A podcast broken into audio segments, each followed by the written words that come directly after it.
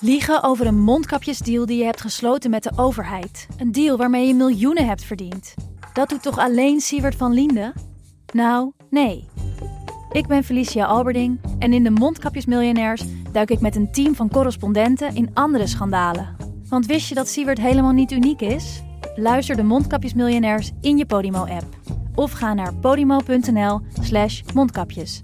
En probeer Podimo 30 dagen. podimo.nl slash mondkapjes. In de podcast Radio Romano met Noortje Veldhuizen Met Marcel van Roosmalen. En met Roelof de Vries. brengen we alle drie elke week een zogenaamde signalering mee. Wat heb jij nou weer bij je? En aan het eind bepalen we wie de winnaar van de week is. Echt een angstcultuur Lege huls die je er bent? Ja, dat gaat eigenlijk altijd onvriendelijk.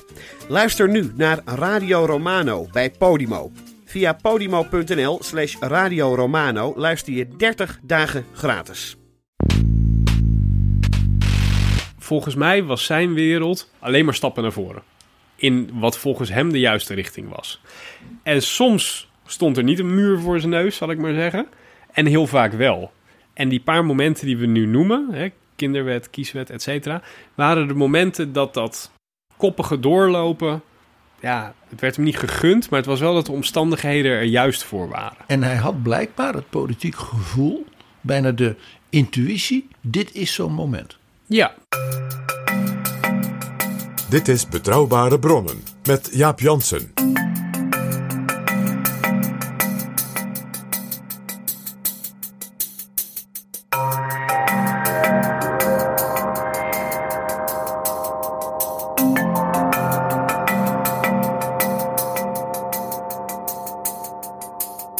Welkom in Betrouwbare Bronnen aflevering 402 en welkom ook PG. Dag Jaap.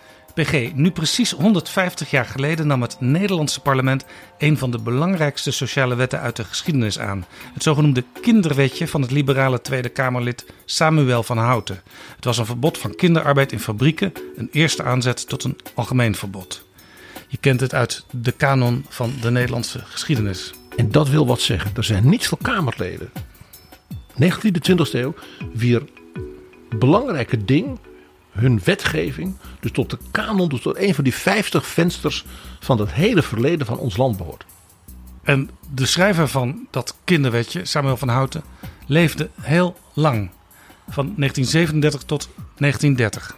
Ja, Samuel van Houten is in heel veel opzichten een buitengewoon interessante man. Hij is dus bijna 100 geworden. En het is dus eigenlijk ook een leven van jeugd in de tijd dat er iets van democratie hè, eh, met Thorbecke in Nederland kwam. Tot ja, het vooroorlogse Nederland van de wereldcrisis. Zelfs ook de opkomst van antidemocratische bewegingen. Want Van Houten begon als een jonge progressieve rebel. Hij vond zelfs op een bepaald moment te ouderwets als liberaal. En op het eind van zijn leven was hij zo ouderwets geworden. Tegendraads is hij echt zijn hele leven geweest. Dat hij een bewonderaar van Mussolini was. Dus het is ook niet één verhaal in die bijna 100 jaar. Het is een man van heel veel verhalen. En over die man is nu een boek verschenen. Sam van Houten tegen de rest. Het strijdbare leven van de man van de kinderwet. De auteur van dat boek, tevens proefschrift, is Dr. Koen Brummer. En hij is in deze aflevering onze gast. Welkom Koen Brummer. dankjewel. Van Houten was Kamerlid in een tijd dat de Tweede Kamer heel veel soorten liberalen telde. En ook katholieken, protestanten, conservatieven van allerlei plumage. Langzaamaan kwamen er ook wat socialisten bij. Maar hij was liberaal. En als we hem naar onze tijd zouden projecteren, 2024, met welke stroming of welke politicus zou hij zich dan het meest verwant hebben gevoeld?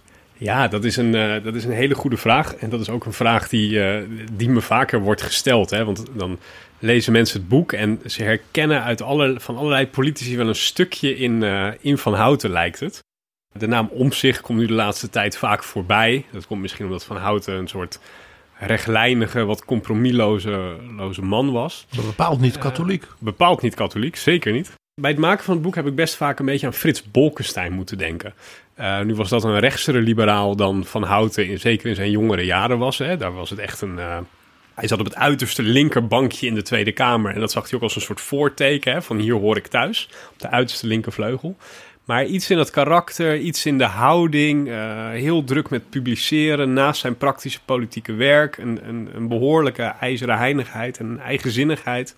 Zo af en toe moest ik wel eens aan Bolkestein denken. Als ik weer eens las dat hij iets gedaan had hè, in de handelingen. En dan dacht ik weer, oh, daar gaat hij weer. Uh, ja, Bolkestein trok ook ja. niet zoveel aan van Precies. de interne kritiek ook uit zijn eigen partij. Ja. En Ja. eh, Sam van Houten die eh, vond eigenlijk het partijwezen wat langzaam opkwam ook maar niks. Ja, inderdaad, daar was hij veel te individualistisch voor. En hij zag zelfs in het fenomeen van politieke partijen... zag hij een soort poging van niet gekozen figuren... die dan die gekozen Kamerleden maar een beetje gingen, gingen eh, hè, aan banden proberen te leggen. Dus daar had hij helemaal niks mee op. Maar anders dan Bolkestein eh, heeft Van Houten, ondanks dat eigenzinnige karakter en dat sterk individualistische, hele grote, cruciale wetgeving voor elkaar gekregen. Hij is dus een veel groter staatsman dan die hele Frits Bolkestein.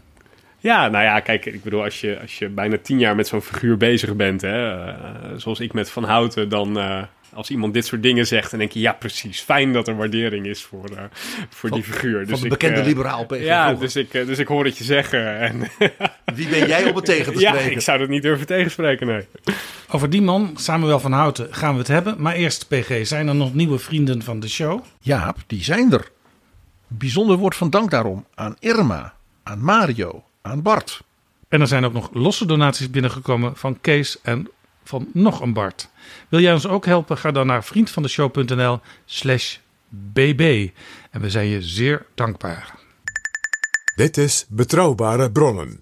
Nogmaals welkom, Koen Brummer. We stipten het net al aan. Sam van Houten was een liberaal. Een groot deel van zijn leven werd hij ook zo gezien. Maar hij was bovenal zeer eigenzinnig. Waaraan kon je dat merken? Nou, hij had een, een, een, een zeker talent om zelfs al voordat hij de praktische politiek instapte, in de tijd dat hij eh, eigenlijk een jonge eh staathuishoudkundige was en een politieke econoom, had hij al een zeker talent om tegenstanders op te zoeken en die zo hard aan te pakken. Er werd over gepraat. Hè? Soms werd er schande van gesproken. Soms werden artikelen die hij schreef liever niet geplaatst. Of dan werd het wel geplaatst, maar dan wilden ze eigenlijk liever geen volgend artikel van hem ontvangen. Of er was dan, zag je ook wel eens, dan had men als het ware het tegenartikel waarin hij dus helemaal zijn kop werd afgehakt, werd al in werking gezet, Ja, nog voor exact. het gepubliceerd werd wat Ja. hij had geschreven. Ja, dus hè, hij had er een zeker talent voor om controversieel te zijn. En wat mooi was bij het doen van dit onderzoek, hè, je, je zei in de intro net al, hij is 93 jaar geworden. Eh, zowel bij zijn eerste publicaties toen hij een jaar of 3, 24 was, als bij zijn allerlaatste publicatie enkele maanden voor zijn overlijden. Dus op 70 93 jaar later. Ja. De stijl is bijna identiek. Dus zowel als jongeling van 23 neemt hij al hoog op in dat stuk van... nou, hè, ik heb alleen maar de waarheid nagestreefd... en ik heb me niet laten weerhouden door sociale opvattingen en zo. Mij gaat het om de waarheid. En in zijn allerlaatste publicatie, dan heeft hij het over katholieken. En dan zegt hij, ja, hè, een voorstander van geestelijke vrijheid... die moeten nou eenmaal altijd hard opslaan... en zich niks aantrekken van de gevoelens die dat veroorzaakt. Hij ging er altijd met het gestrekte been in. Volstrekt. En als politieke econoom ging hij ook de strijd aan met de mensen die een beetje in de traditie van Adam Smith stonden. Een toen zeer hoog geachte econoom met een belangrijke theorie. En hij formuleerde een soort theorie daartegenover. Ja, je, je moet het eigenlijk zo zien dat dat Nederland van de jaren nou, 1850, 1860, hè, daar was het klassieke liberalisme van Thorbecke, zullen we maar zeggen. Dat was een beetje het breed gedeelde gedachtegoed van een zekere burgerlijke elite. En daar hoorde bij eh, de, de nieuwe democratie onder Thorbecke's grondwet. Daar hoorde bij opvattingen over vrijhandel hè, in, het, in het bankaire wezen, in het handelswezen.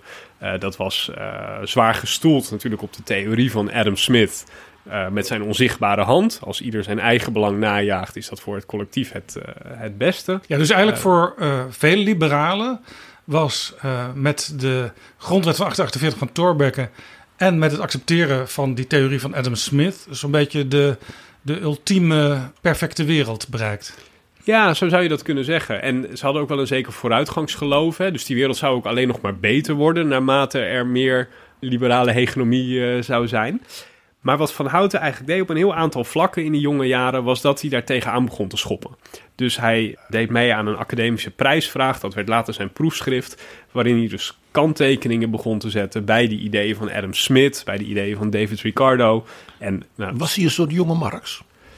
Nee, hij heeft, uh, hij heeft eigenlijk nooit veel opgehad met, met het socialisme. Hij was er wel bekend mee, hè? want nou, bijvoorbeeld het Communistisch Manifest, dat, uh, dat, dat was toen al verschenen. Hij was even heel erg vurig over de commune van Parijs. Hij ja. dacht, die revolutie, dat is goed dat dat gebeurt. Ja, als je Van Houten's wereldbeeld, zeker de, de jonge Van Houten wil begrijpen...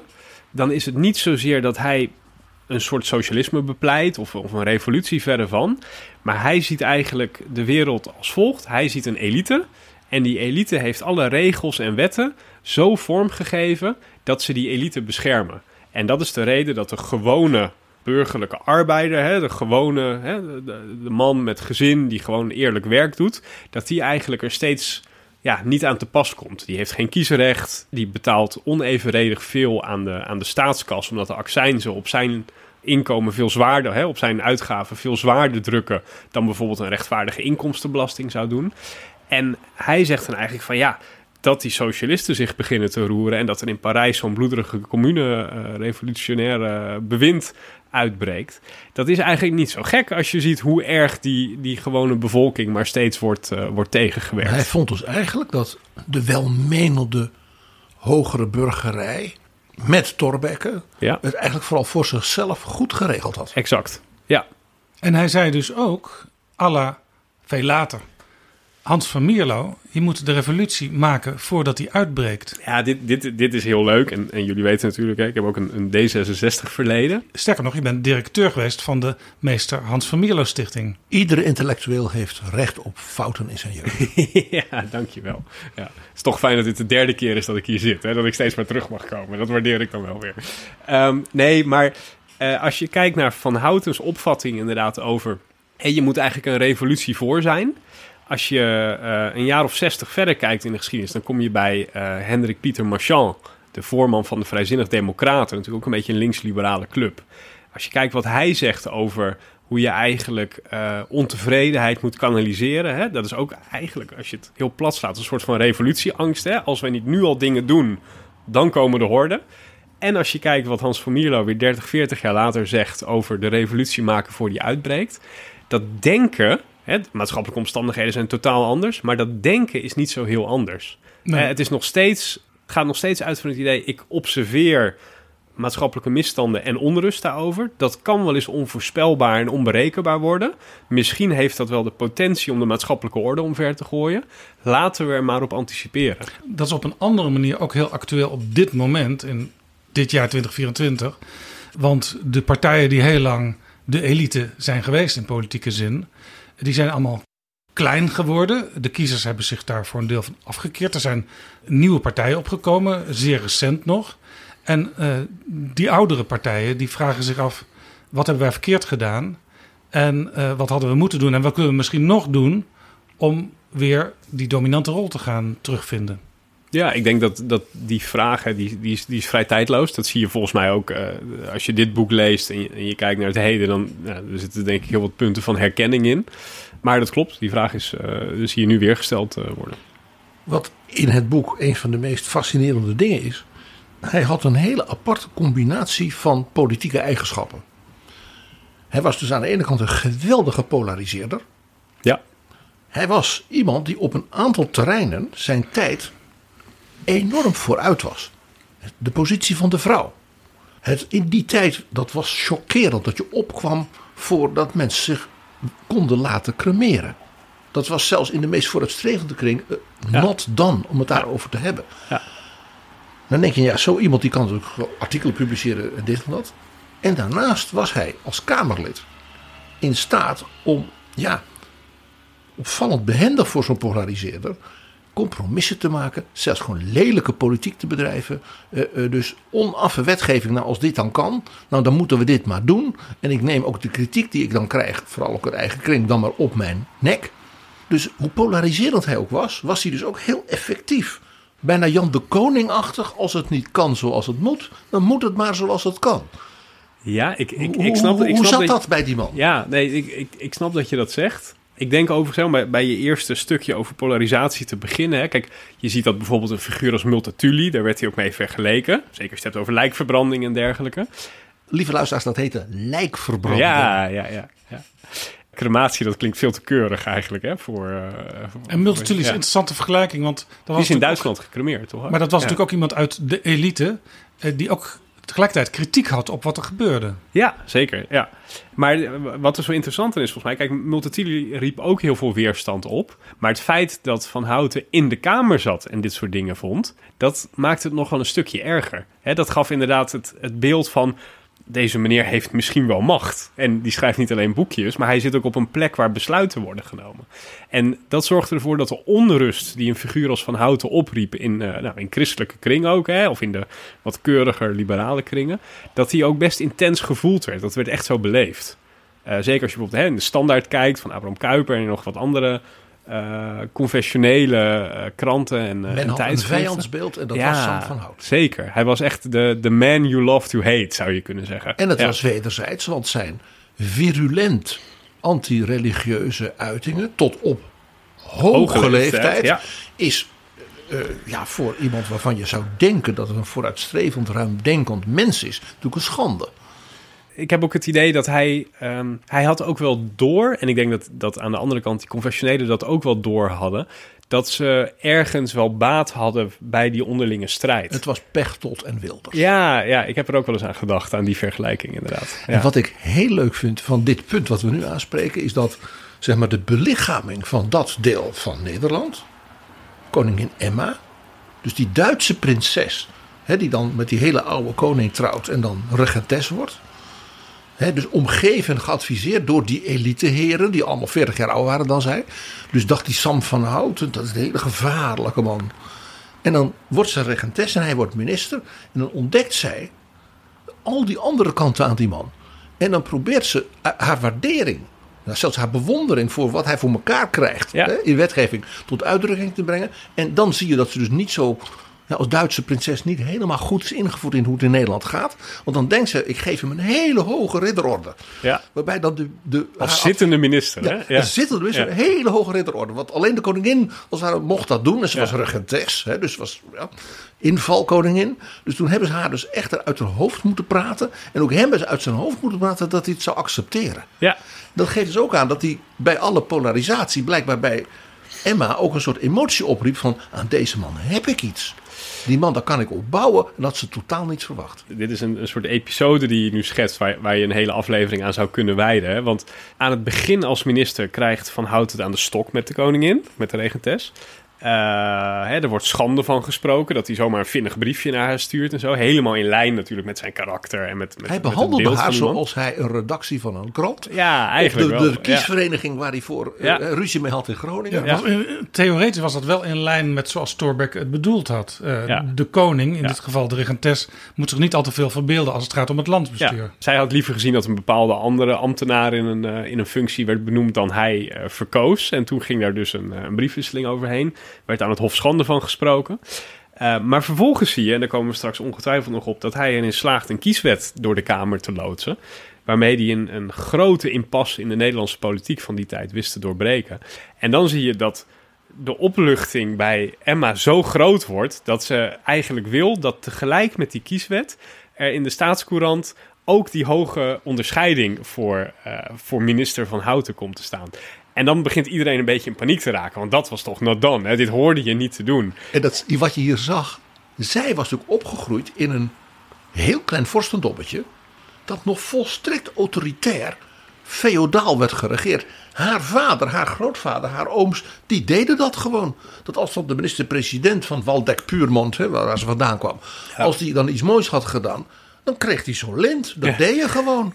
Ja, en, hier moest en, zij hier- dan, en zij was dus aan de ene kant, hè, ze was zo verrast door die man zijn effectiviteit. Ja. En eh, ja, ze, ze was, ze was eh, ook opgevoed in een manier dat dat gewoon, dat deed je dan gewoon. Ja. ja, en dan zie je dat vervolgens de, de eerste minister, hè, voorzitter van de ministerraad, Johan eh Roel, dus eigenlijk de, de minister-president zou je zeggen, dat die dan dus echt een, een brief naar Emma schrijft van, nou, hè, zeer gewaardeerd, we vinden het ook heel knap van Van Houten dat hij dit heeft gepresteerd. Maar u moet Maar collega- dit moet u echt maar niet doen, mevrouw.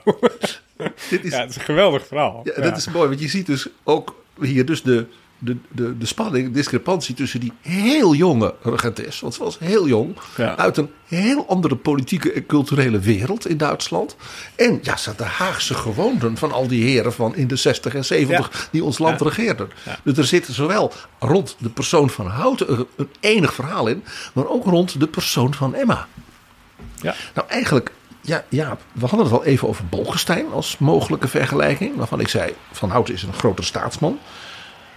Hij was eigenlijk net als Hafmo iemand die zei: hoe kunnen we voorkomen dat de horden eh, de wereld overnemen? Het volk moet ook weer niet te veel vertellen. Dat is een beetje Torbeck ook trouwens. Maar er is ook nog iemand op wie hij lijkt. Een briljant intellectueel die in de politiek toch ja, erin slaagt met iedereen ruzie te maken. En uiteindelijk ook in de loop van de jaren steeds verder naar rechts gaat. Ik dacht, het is Ronald Plasterk. Ja, ja nou ja. ja, nou, deze heb ik nog niet gehoord in, in alle gesprekken die ik de afgelopen maanden over Van Houten heb eh, gevoerd. Ehm, ik, ik denk ook hè, dat je vindt geen levend mens in het Den Haag van de 19e eeuw die Sam van Houten als informateur zou hebben benaderd, eh, denk ik. Dat was dan Maar tot een paar weken geleden wijsheid. had je waarschijnlijk ook geen levend mens gevonden die Ronald Plasterk als informateur had benaderd. Dus Nou ja, je- wellicht als- dat de vergelijking daar hebt- dan nog opgaat. Als je Ja. daarover hebt, informateur, formateur. Hij is nooit de leider van de ministerraad geworden. Hè?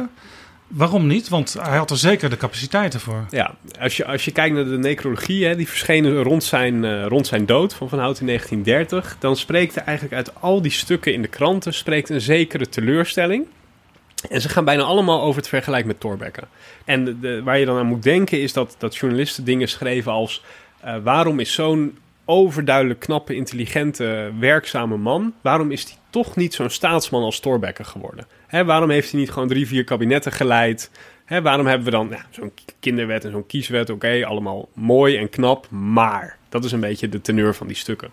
En ehm, ik denk dat Thorbecke, dat was toch een wat gezaghebbende, studieuze man. Hè? Eh, in die uh, Remy Aarts biografie dan staat ook die anekdote van als Thorbecke een, een vergadering binnenliep, dan werd hij gewoon meteen spontaan tot voorzitter eh, gekozen. Bij Van Houten zie je toch hè, de, de polariseerder, het vuur, de polemist. Eh, hij zei ook zelf over zijn, over zijn politieke stijl van ja, ik moet, moet, moet ideeën eigenlijk in de arena slingeren, zodat ze daarna opgepakt kunnen worden. Hè? Ik, Misschien wel ook door anderen. door anderen, juist, ja, zeker. En dat, hij heeft op een gegeven moment een vergelijking met Capijnen van de Coppello, een andere grote liberaal uit zijn eh, tijd, die dan wel, ja, zoals ze dat in die tijd noemden, leader werd, hè, naar het Engelse eh, partijleider. En dan zegt hij ook van, ik ben er om voor te bereiden wat moet gebeuren en Capijnen is er om te realiseren dat het gaat gebeuren. In deze zin, jij noemde net zelf Pieter Omtzigt, lijkt hij dan wel weer op Omtzigt. Want Omtzigt bereidt dingen voor en anderen moeten het dan maar uitvoeren. Ja, hij, hij bedoelde daarmee vooral dat hij, hè, dat hij zeg maar eh, ideeën in, in, in, in, in het debat slingerde. En hij snapte helemaal dat die ideeën nog geen meerderheid hadden of nog niet op, op, eh, op instemming konden rekenen. Maar hij beïnvloedde in elk geval het debat. En op termijn zou dat dan zijn kant wel opvallen. Dat, dat was zijn visie op hoe hij in de politiek moest staan. En zo één was er in die tijd nog één. Die met kranten en zoals hij met zijn, eh, hoe heet dat, staatkundige brieven en wat dan niet, het debat opschudde. De klokkenist der kleine lui. Kuiper, ja, Abraham zeker, ja. Hij lijkt, en vandaar ook dat die wederzijdse elkaar bestrijden, wat dat was ook wel leuk, want dan Ja. kwam je alle twee wel in de aandacht. Dus de confessionele bestrijders van Van Houten had hij ook wel weer nodig om hen te bestrijden. En die moderne manier van het debat aanjagen, wat Kuiper deed, dat zat ook in Van Houten. Ja. Heel duidelijk. Ja. Met dit verschil dat Kuiper, en daarin is Kuiper weer een groter staatsman dan Van Houten, wel premier werd. Ja. En wel ook een partijleider werd en ook eigenlijk een soort geestelijk leider. Cultureel, religieus. Denk ook aan de oprichting van zowel de TU Delft als de VU. Hè. Dat zijn dingen die Van Houten niet deed. Waarschijnlijk door zijn te grote, mag ik zeggen, individualisme. Ja, nee, ik, ik heb ook met, met Johan Snel, hè, die natuurlijk een paar mooie boeken over Kuiper heeft gemaakt, heb ik ook gesproken. Hè, want wij kwamen allebei ook beetje op dat punt dat we dachten van ja, hier tussen die twee mannen, daar, daar zit eigenlijk meer. Hè. Ze hebben ook wel wat overeenkomsten. Maar het zou denk, toch mooi geweest zijn als Kuiper en hij het soort verstandhouding, zelfs vriendschap hadden gehad als Kapijnen als, en- als, nee, als Torbekke en Groen. Ja, ja. Want die waren Ja. alles weer de generatie daarvoor. Maar die twee konden, hoe ze elkaar ook de, nou ja, de hersens insloegen in debat in de Tweede Kamer en in publicaties. Maar er was tussen die twee een soort intellectuele ja, warmte en Erkenning waardering. ook. Ja. Die kwamen ook bij elkaar over de vloer. Ja, en, en die gingen vooral na debatten, dat, hè, dat is een beetje Den Uil en Wiegel hè, ook, hè, dat ze dan na zo'n debat zeiden, en nu gaan we samen hè, op het plein en we gaan nog eens even een goed glas drinken en dan ga ik je nog een keer de hersens inslaan. Ja. Maar dat doe je omdat je eigenlijk stiekem van zo iemand houdt. Ja, nee, en het is grappig, want Kuiper die had wel zo'n relatie met een vooruitstrevende liberaal, namelijk met Kapijnen van de Capello. En niet met Van Houten. Nee, terwijl Kapijnen die heeft altijd het verwijt gekregen dat hij, dat hij niet helemaal serieus was, dat hij wat speels in de politiek stond. Ja, in die zin lijkt Kapijnen misschien weer een beetje op Hans Wiegel... die toch vooral ook Ja, meer ja. naar het spel keek dan Ja. naar de knikkers. Ja, terwijl ik, je zou zeggen dat, dat Kuiper van Houten, die hebben, hadden een veel gelijkwaardiger eh, relatie misschien kunnen hebben hè, als twee intellectuele reuzen. Ik bedoel, als je die toch voor een grote zaal had gehad.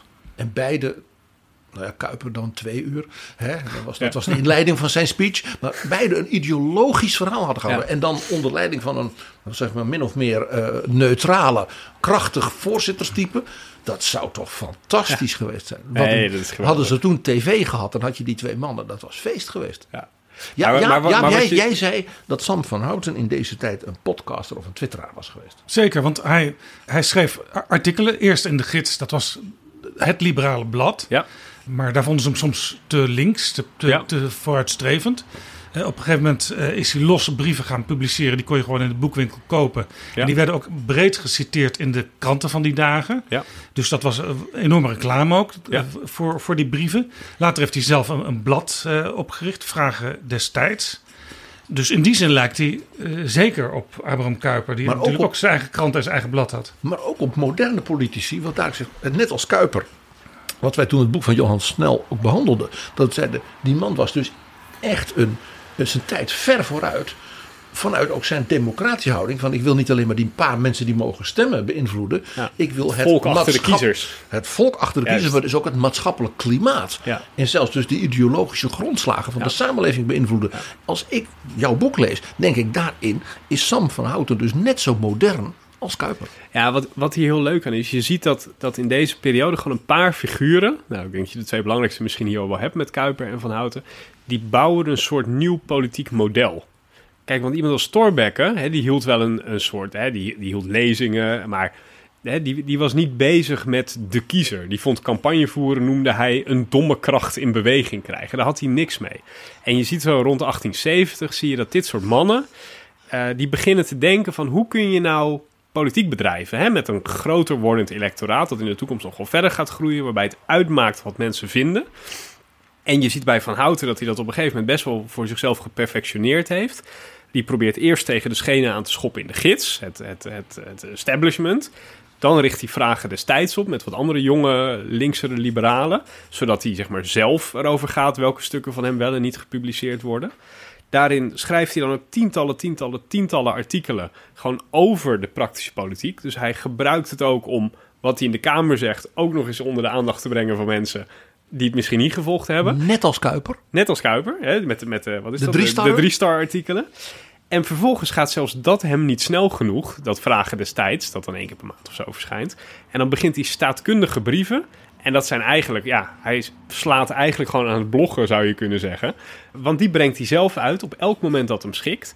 En je ziet dan bijvoorbeeld met, met zo'n kiesrechtstrijd, dan schrijft hij gewoon drie, vier, vijf, zes van dat soort stukken in een paar weken tijd. En die liggen overal in de boekhandel. Kranten citeren eruit, zoals Jaap net al, eh, al zegt. Dus hij heeft echt een soort model ontwikkeld om invloed uit te Ja, en oefenen. het bleek ook dat, terwijl de gids op een gegeven moment zei... wij gaan niet alles publiceren zomaar. Sommige dingen, daar zijn we het gewoon niet mee eens... en dat willen wij ook niet in, in ons blad publiceren. Toen die, die losse brieven ging uitgeven... toen bleek eh, de uitgeverswereld ook best wel geïnteresseerd om die uit te geven. Dus ze zagen er ook wel eh, brood in, letterlijk. Ja, zeker. Kijk, het, het lezende publiek was natuurlijk relatief klein in, in omvang wel. Maar groter dan het kiezende publiek. Nou, groter dan het kiezende publiek. En je zag een ontwikkeling vanaf de jaren 60. Het dagbladzegel was afgeschaft. Dus het werd goedkoper om kranten uit te geven. Het lezerspubliek groeide daardoor ook. Net als de afschaffing van de Stamp Act in het Amerika ja. van de 18e eeuw, waardoor Benjamin Franklin als ware de Rupert Murdoch van die tijd kon Ja. worden. En dat een van de redenen is dat Amerika dus een revolutie tegen de koning begon. Ja, exact. Maar dat zie je dus echt in die tijd gebeuren. En dat is, eh, dat, ja, dat, dat, dat, dat- dat is voor, denk ik... Je ziet dat Van Houten zich in die periode ook breder begint te ontwikkelen. Hij begint zich ook met filosofie bezig te houden. De thema's die, eh, die PG net noemde, hè, zoals eh, vrijheid van echtscheiding... eh, geboortebeperking is nog niet eens genoemd... maar dat was natuurlijk ook een grote steen in de, in de maatschappelijke Ja, kwam ook een beetje voort uit zijn eigen beleving. Hij is twee keer getrouwd. Beide echtgenoten stierven ergens toen ze in de dertig waren, dus heel Ja. jong. Ja. Hij heeft eh, tien kinderen gehad, maar ook die kinderen die overleefden het niet allemaal. Dus hij zag ook, misschien is het ook wel te veel gevraagd van een vrouw om zoveel kinderen te krijgen. Ja, hij, hij zegt ook zelf in zijn, in zijn memoires... en nu moet je altijd die memoires van dit soort figuren... wel op een soort armlengte afstand houden. Hè? Want het is natuurlijk heel verleidelijk om op je zeventigste nog eens op te schrijven... hoe, hè, wat een mooi verhaal jouw leven eigenlijk is geweest... en, En dat je met goed je 25 alles hebt doorzien. En dat je met 25 ook al gelijk had. Ja, precies. Dat is natuurlijk type was heel... hij wel. eh, Ja, absoluut.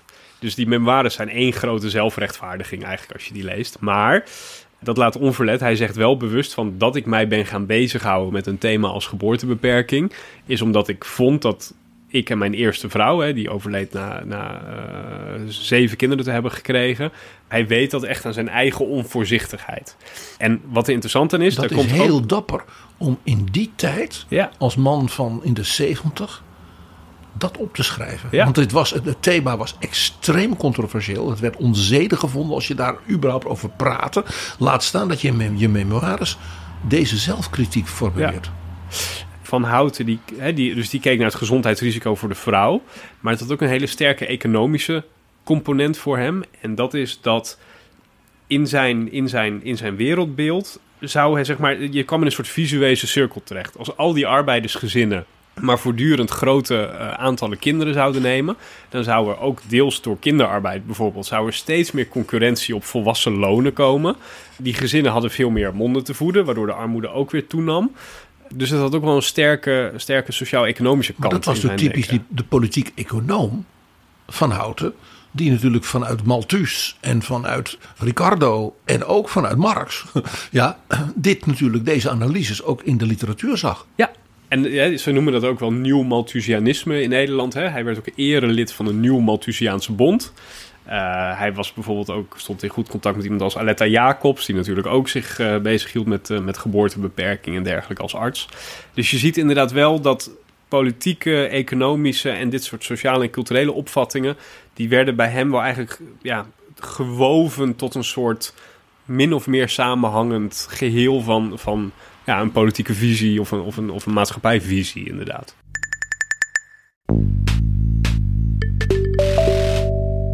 Dit is Betrouwbare Bronnen, een podcast met betrouwbare bronnen.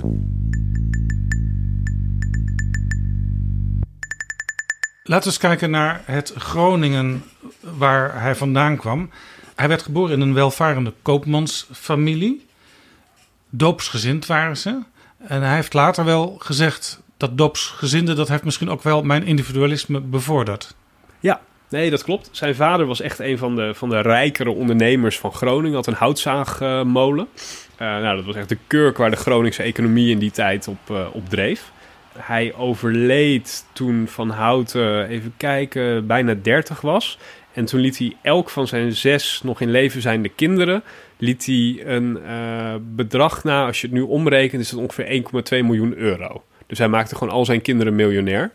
Eh, en dat is overigens ook de... eh, van Houten zus was Sientje Mesdag van Houten. Eh, die getrouwd was met, met, eh, met Hendrik Willem Mesdag, de schilder. En door die erfenis kon Mesdag zich ook volledig op het schilderen gaan richten. Ja, dit is dus echt het beeld van de elite van toen. Ja, de, handel, de opkomende handelselite van toen kun je Ja, denk de ik... eh, ondernemende, ja, min of meer moderne economie Ja. van Nederland. Want die, die, zo'n houtzaagmolen, dat moet je niet denken aan een 16e eeuwse molen. Maar dat was in feite al een industrieel iets. een fabriekje, zou je het kunnen noemen. ja, ja.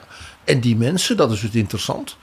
Eh, die waren dus in Groningen daarmee dus alles behalve conservatief.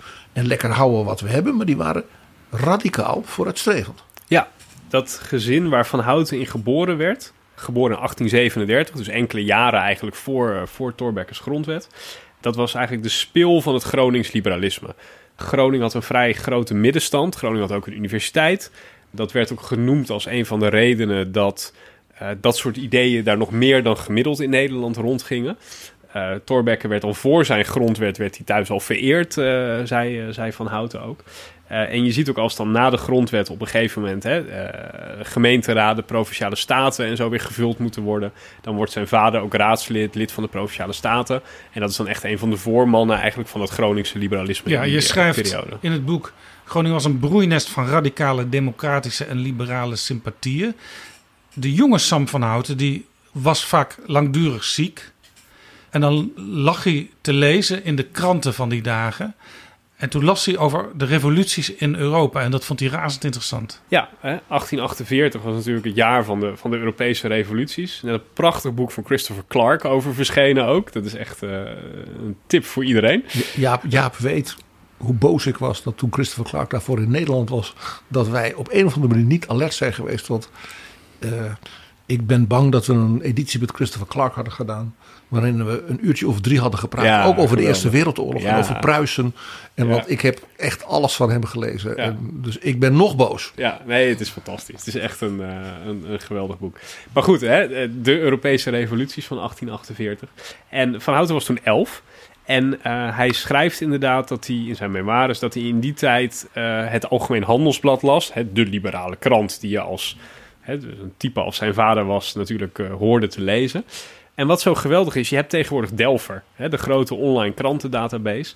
Dus je kan gewoon letterlijk lezen wat Van Houten in die tijd als elfjarige jongen, zelfs als je het met een korrel zout neemt, hij zal het heus wel gelezen hebben, wat hij kon lezen over die revoluties in Parijs, in eh, Italië. Ja, want zo'n krant als het Handelsblad had ook eh, correspondenten. en was ook ja. op de internationale persbureaus. Ja, dat kun je gewoon, eh, gewoon terugzien. En dan kun je dus ook zien wat voor beeld zo'n elfjarige jongen moet hebben gekregen eh, van zo'n continent in, eh, in revolutionaire En, toestand. en hij kreeg daardoor nog wat radicalere ideeën als jonkie al dan zijn ouders hadden.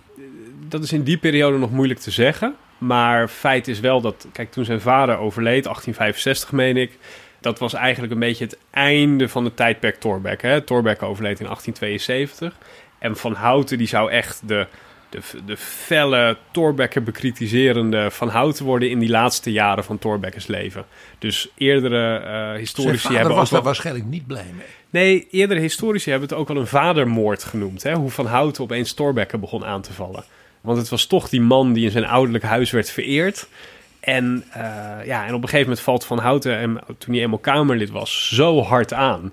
En als je dat nu terugleest, dan kun je ook niet ontkomen aan de conclusie dat hij soms gewoon overdreef. Of dat hij hem woorden in de mond legde. Het was lang niet allemaal zuiver rationeel. Hij, En het was hij ook niet altijd echt heel vijand. respectvol. Maar dat, Nee, moet, dat, moet, nee. dat moeten zijn ouders, eh, eh, in ieder geval de mensen die uit die generatie nog leefden, moet dat soms pijn hebben gedaan. Want eh, je zei het eerder al, ze vereerden in die Groningse liberale kringen Thorbecke. Ja, nu, nu was wel vanaf die tweede helft van de jaren 1860 begon er iets te groeien wat je Thorbecke kritiek zou kunnen noemen. Kapijnen werd net al genoemd. Eh ander figuur bij wie dat leefde was Fransen van de Putten. Eh, dat waren wat jongere liberalen die dan in de jaren 1860 Kamerlid werden. Die wilde ook zelf wel eens een keer aan de macht. Precies, dus dat was niet heel ideologisch. Alleen die hadden gewoon last van die, van die oude eik, zullen we maar zeggen. Ik ga voorlezen, bladzijde 123 van het boek. Er is in de nalatenschap van Thorbecke Ja, dat is geweldig. een Ja. memootje gevonden. dat heel veel zegt over dit punt. Over de persoon van Houten. Maar ook heel erg iets over Thorbecke zelf. En het is een memootje en daar staat het volgende op. Meester van Houten, komma, gij met een hoofdletter, tracht mij in mijn historische plaats te verdringen. Punt, komma. Dit kan u niet gelukken. Punt, komma. Zoek een eigen standplaats. Maar dit was niet geschreven om in het openbaar te verklaren. Nee. Zegt, Thorbecke maakte veel particuliere notitietjes. dit Ja. zegt een aantal dingen tegelijk. Ten eerste, het zegt dat de oude Thor, een staatsman zonder gelijke in die tijd, Sam van Houten tot achter de komma volgde in alles wat hij deed, zei en misschien wel van plan was. Zo scherp keek Thorbecke nog. Twee, zijn gedachte was ook, net als eh, die andere die u noemde, die willen uiteindelijk mijn stoel. En drie, we weten van Thorbecke dat hij dit soort dingen deed. Dit soort memootjes schreef. Ook soms brieven aan zijn dochter schreef. Omdat Thorbecke een enorm emotionele, felle man was. Maar altijd naar buiten toe die professorale, soms bijna wat kille manier van, had van doen had. Maar dat kwam omdat Thorbecke natuurlijk, die was van 1798, was een Duitser. Die was helemaal opgegroeid in het Duitsland van de romantiek, van de Sturm und Drang. En dat zat heel erg in Thorbecke, maar dat kon hij in het Calvinistische Nederlandse klimaat en het binnenhof van zijn tijd, kon hij die emoties niet laten blijken. En we weten uit het boek van Remy Gaas dat Thorbecke onsterfelijke verliefdheden had.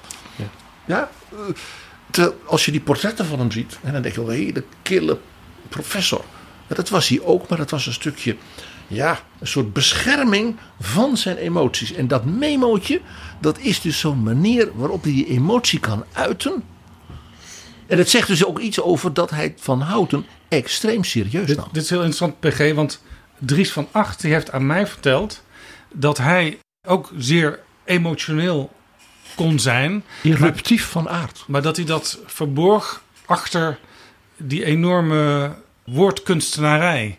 Waarmee, waardoor hij dus voortdurend bezig was van hoe kan ik iets formuleren. En daardoor werd hij in zichzelf rustig. Een breidel op mijn ziel. Ja, prachtig. En dat is heel interessant dat er tussen Van Acht en Torbekke... Nou, wie had dat ooit gedacht? Zo'n intense verbinding ligt. Namelijk beide intellectueel en qua formuleringen extreem briljant. Maar dat ze het ook nodig hadden om zichzelf om in bedwang te, te bewaren. Ja, ja, ja. Er zit trouwens ook een, een, mooie ironie in de geschiedenis. Want Sam van Houten die werd op een gegeven moment gemeenteraadslid, wethouder. Maar hij wilde ook graag hoogleraar worden. En in die tijd werden hoogleraren benoemd... Door de minister van Binnenlandse Zaken. In dit geval Thorbecke. Ja. En die weigerde op een bepaald moment een benoeming van Van Houten. En, ja, en, ja, en, en, doordat Van Houten uh, dat niet kon gaan doen, ging hij ook steeds meer denken: misschien moet ik maar eens uh, naar Den Haag. Misschien moet ik maar eens echt de nationale politiek in. Ja, en, en wat volgens mij heel mooi is aan dit, aan dit voorbeeld, hè, is dat Van Houten in zijn memoires doet hij alsof hij. Hè, hij zegt ergens: Ik ben geboren om volksvertegenwoordiger te worden. Hè? Dus nou. eigenlijk hè, in de, de, de kruipend door de kamer van mijn moeder wist ik al dat ik Kamerlid wilde worden. Maar uit een briefwisseling met een van zijn beste vrienden in die tijd, Nicolaas Pierson. Overigens de latere eerste minister ook van het uh, gelijknamige kabinet. En de broer um, van Allard Pierson. En de broer van Allard uh, Pierson. En president van de Nederlandse Bank en ga zo maar door. Dus ook weer, uh, weer die typische liberale elite ja. van heren van die 19e ja, eeuw. Ja, maar het grappige is, die Pierson, toen zij bevriend raakten in hun twintig jaren, was die Pierson net zo'n radicaal mannetje als Van Houten. Alleen Pierson die heeft op een gegeven moment gezien ik ga ietsje meer meebuigen met het establishment, want dan kom, kon ik nog wel eens heel ver komen. En dan zie je ook dat hij op hele jonge leeftijd inderdaad dus al president van de Nederlandse Bank wordt, hoogleraar, uh, hè, die is helemaal gearriveerd, zeg maar. Van Houten die worstelt dus echt met waar ben ik nou op mijn plek? Want die merkt ook wel van ja, ik schrijf al felle stukken, maar ja, het levert me ook weer niet zoveel op. Hè? Ze vinden me een beetje te spannend. Hij probeert hoogleraar te worden. Thorbecke die wint inlichtingen in over Van Houten. Krijgt een aantal brieven terug van uh, bijvoorbeeld Tellige, een Groningse liberaal. En dan schrijft hij ook terug van ja, uw uh, beschrijving van de jonge, de jonge dokter... die uh, doet mij wel zijn onafhankelijkheid inzien... maar niet zozeer zijn geschiktheid voor het ambt van hoogleraar. En vervolgens wordt er dan een wat, wat gematigder figuur op die leerstoel benoemd. Eigenlijk zag Thorbecke in Sam van Houten de jonge Thorbecke. Het zou zomaar die kunnen. hoogleraar werd in Gent. Ja. En zich enorm bemoeide met economische theorieën. Want in België, België wat nog het koninkrijk was, waren ze veel verder in allerlei ideeën. En in Engeland en natuurlijk zijn enorme Duitse uh, radicale ideeën. Ik denk dat Thorbecke dacht, die Sam van Houten, als we hem nu al professor maken, hij is eigenlijk een jonge wilde, zoals ik dat ook was. Ja, wellicht de ironie waar, waar Jaap net natuurlijk op doelde, is dat door die weigering uh, Van Houten toch eigenlijk de Tweede Kamer in werd gedreven. Uh, en daar zich uh, binnen anderhalf jaar ontpopte tot, tot angstgangner van, van Thorbecke. Dus misschien had hij een betere hoogleraar kunnen maken. Dan had hij ook die vinnige notitie niet hoeven te schrijven. Dat was dan en ja. voor de wetenschap en voor de Tweede Kamer beide beter geweest. Ja, wellicht. Ja, ja. Ik heb een nieuw begrip geleerd uit het boek en dat is het begrip geavanceerd liberaal. Zo werd Van Houten in die dagen genoemd. Wat is dat, geavanceerd liberalisme? Ja, dat is eigenlijk een hele goede vraag. Uh, zoals je dat ook tegenwoordig je nog kan afvragen. Hè? Wat is liberalisme? Wat is sociaal liberalisme? We hebben daar wat met is jou ook een hele aflevering aan gewijd in het verleden. Je hebt er een hele kanon aan gewijd Zeker, zelfs. ja, ja, ja. Nee, kijk, ehm, als je dat liberalisme nam van kort na Thorbecke's grondwet... dan zou je heel grofmazig kunnen zeggen... nou, dat stoelt op, op drie gedachten. Eén is de verdere staatsrechtelijke inkleding van Nederland. Hè? Dus Thorbecke's eerste kabinet kwam met een gemeentewet en dat soort zaken. Hè? Dus hoe moeten we nou dat nieuwe Nederland staatsrechtelijk in de stijgers Ja, dit is wat ze nog steeds het huis van Thorbecke Exact, noemen. ja. Dan een tweede element wat belangrijk werd gevonden in die generatie liberalen was de infrastructuur. Dus hoe zorg je nou dat het land eigenlijk gereed is om een moderne economie te worden? Nederland moest van de nou, midden van de 18e eeuw in één klap eigenlijk 150 jaar verder namelijk Ja. kijken naar hoe ziet Nederland er in 1900 uit. Ja, industrialiseren, eh, Mobiliteit. eh, mobiliteit, exact. Verstedelijking. Dat, dat hadden die vroege liberalen ook goed door. En het derde element was eh, dat ze eigenlijk eh, de vrijhandel moesten bevechten. Hè? Want dat begin 19e eeuw was de handel eigenlijk nog gewoon het particuliere speeltje van het koningshuis. Hè? Eh, de handelskoning werd, eh, werd Wilm eh, wel genoemd, of de koopmankoning. Dus dat waren de drie elementen die in dat vroege liberalisme, dat noemde je ook wat doctrinair liberalisme van Thorbecke en zijn vrienden belangrijk was. En het meest opvallende daarbij is, en dat wordt vaak vergeten, misschien ook wel een beetje verdoezeld, was dat alles behalve dus democratiserend liberalisme was. Nee, zeker niet. Thorbecke ging niet zeggen van ik ga, we hebben nu een grondwet, we hebben de koning tot een soort symbool gemaakt, wat de koning zelf helemaal niet wil. Hè, Dus hij moest voortdurend zijn grondwet verdedigen tegen de koning en zijn aanhang. Dus ik ga nu het zeg maar, eh, geletterde deel van de bevolking ga ik allemaal kiesrecht geven. Nee. Dat deed hij niet. Ik denk dus dat Sam van Houten in zijn radicale liberalisme, geavanceerd liberalisme, eigenlijk zag dat Thorbecke een typische Duitse professor van het Bildungsbürgertum was. Ja, die ja, dus ja. zei, paternalistische, paternalistische, maar wel visionaire manier. Maar laat ons dat nou doen, de zeer hoog opgeleide elitaire mensen. En dat doen we voor het volk. Maar het volk moet vooral niet te veel capsones krijgen. Ja, en het, het, het gaat denk ik nog wel een slagje dieper. Namelijk dat voor hoe die mensen à la Thorbecke, hè, die generatie naar kiesrecht keek, was het een functie in de staat. Wij kijken nu naar kiesrecht als het ware een onvervreemdbaar recht. Hè. Je wordt geboren met bepaalde rechten en vanaf een zekere leeftijd mag je stemmen. Voor die generatie was het de vraag aan wie moet je kiesrecht geven zodat er goed bestuur kan zijn. En dat is natuurlijk een hele andere aanvliegroute. Ja, dus was wel een idee van er moeten checks en balances zijn in de staat. Maar jij moest als kiezer geschikt zijn om eh, te kunnen participeren aan het staatkundige leven. En het geschikt betekende in die tijd, je moest een man zijn. Zeker. Je moest vermogend zijn. Ja. Want je moest dus ergens verantwoordelijkheid voor hebben. Dus ook voor werknemers, voor Ja. dagloners. Hè, in de, in de Ja. agrarische wereld die er toen nog dominant was. Je moest dus behoorlijk wat belasting betalen ook. Je moest een Ja. huis hebben. Dat vond ik, vond ik ook zo fas- fascinerend. Het zogenaamde huismanskiesrecht. Als jij niet de eigenaar was van jouw eigen woning, dan had je dus geen verantwoordelijkheidsbesef. Ja, nee, ja, nee, goed. De, de hypotheekrenteaftrek was natuurlijk jarenlang op hetzelfde idee gestoeld. Dat je eh, eigen woningbezit was goed voor, eh, voor het burger eh, zijn. Ja, dus in die zin klopt dat. Dus deze dingen, ook in het Nederland van nu, noteren we weer even hoe diep de wortels daarvan zijn. Tot in de 18e eeuw, de verlichtingsidee, en ook in de 19e eeuw. Ja, exact. Maar je vroeg natuurlijk, wat is dat geavanceerd liberalisme? Dit was een soort schets van hoe dat oudere liberalisme eruit zag. En toen zag je vanaf de jaren 1870, hè, Van Houten 1869 in de Kamer gekomen, die begint eigenlijk een post-Thorbeckiaans liberalisme vorm te geven. Dat meer was dan Saggerijn over die oude eik die maar niet aan de kant stapte. En je ziet dat die eigenlijk elementen begint aan te dragen. Hè, van hoe zou dat nieuwe liberalisme er dan uit kunnen zien? Kinderwet komen we ongetwijfeld ook nog op. Dat was zo'n element. Hè? Dus je moet als overheid een wat sturende rol gaan nemen in de economie. Voorzichtig, maar toch. Geen nachtwakerstaat meer. Geen nachtwakerstaat meer. Je ziet dat, dat er eh, het belang van onderwijs wordt vaker benadrukt. Eh, revolutionair een inkomstenbelasting. Gezondheidszorg.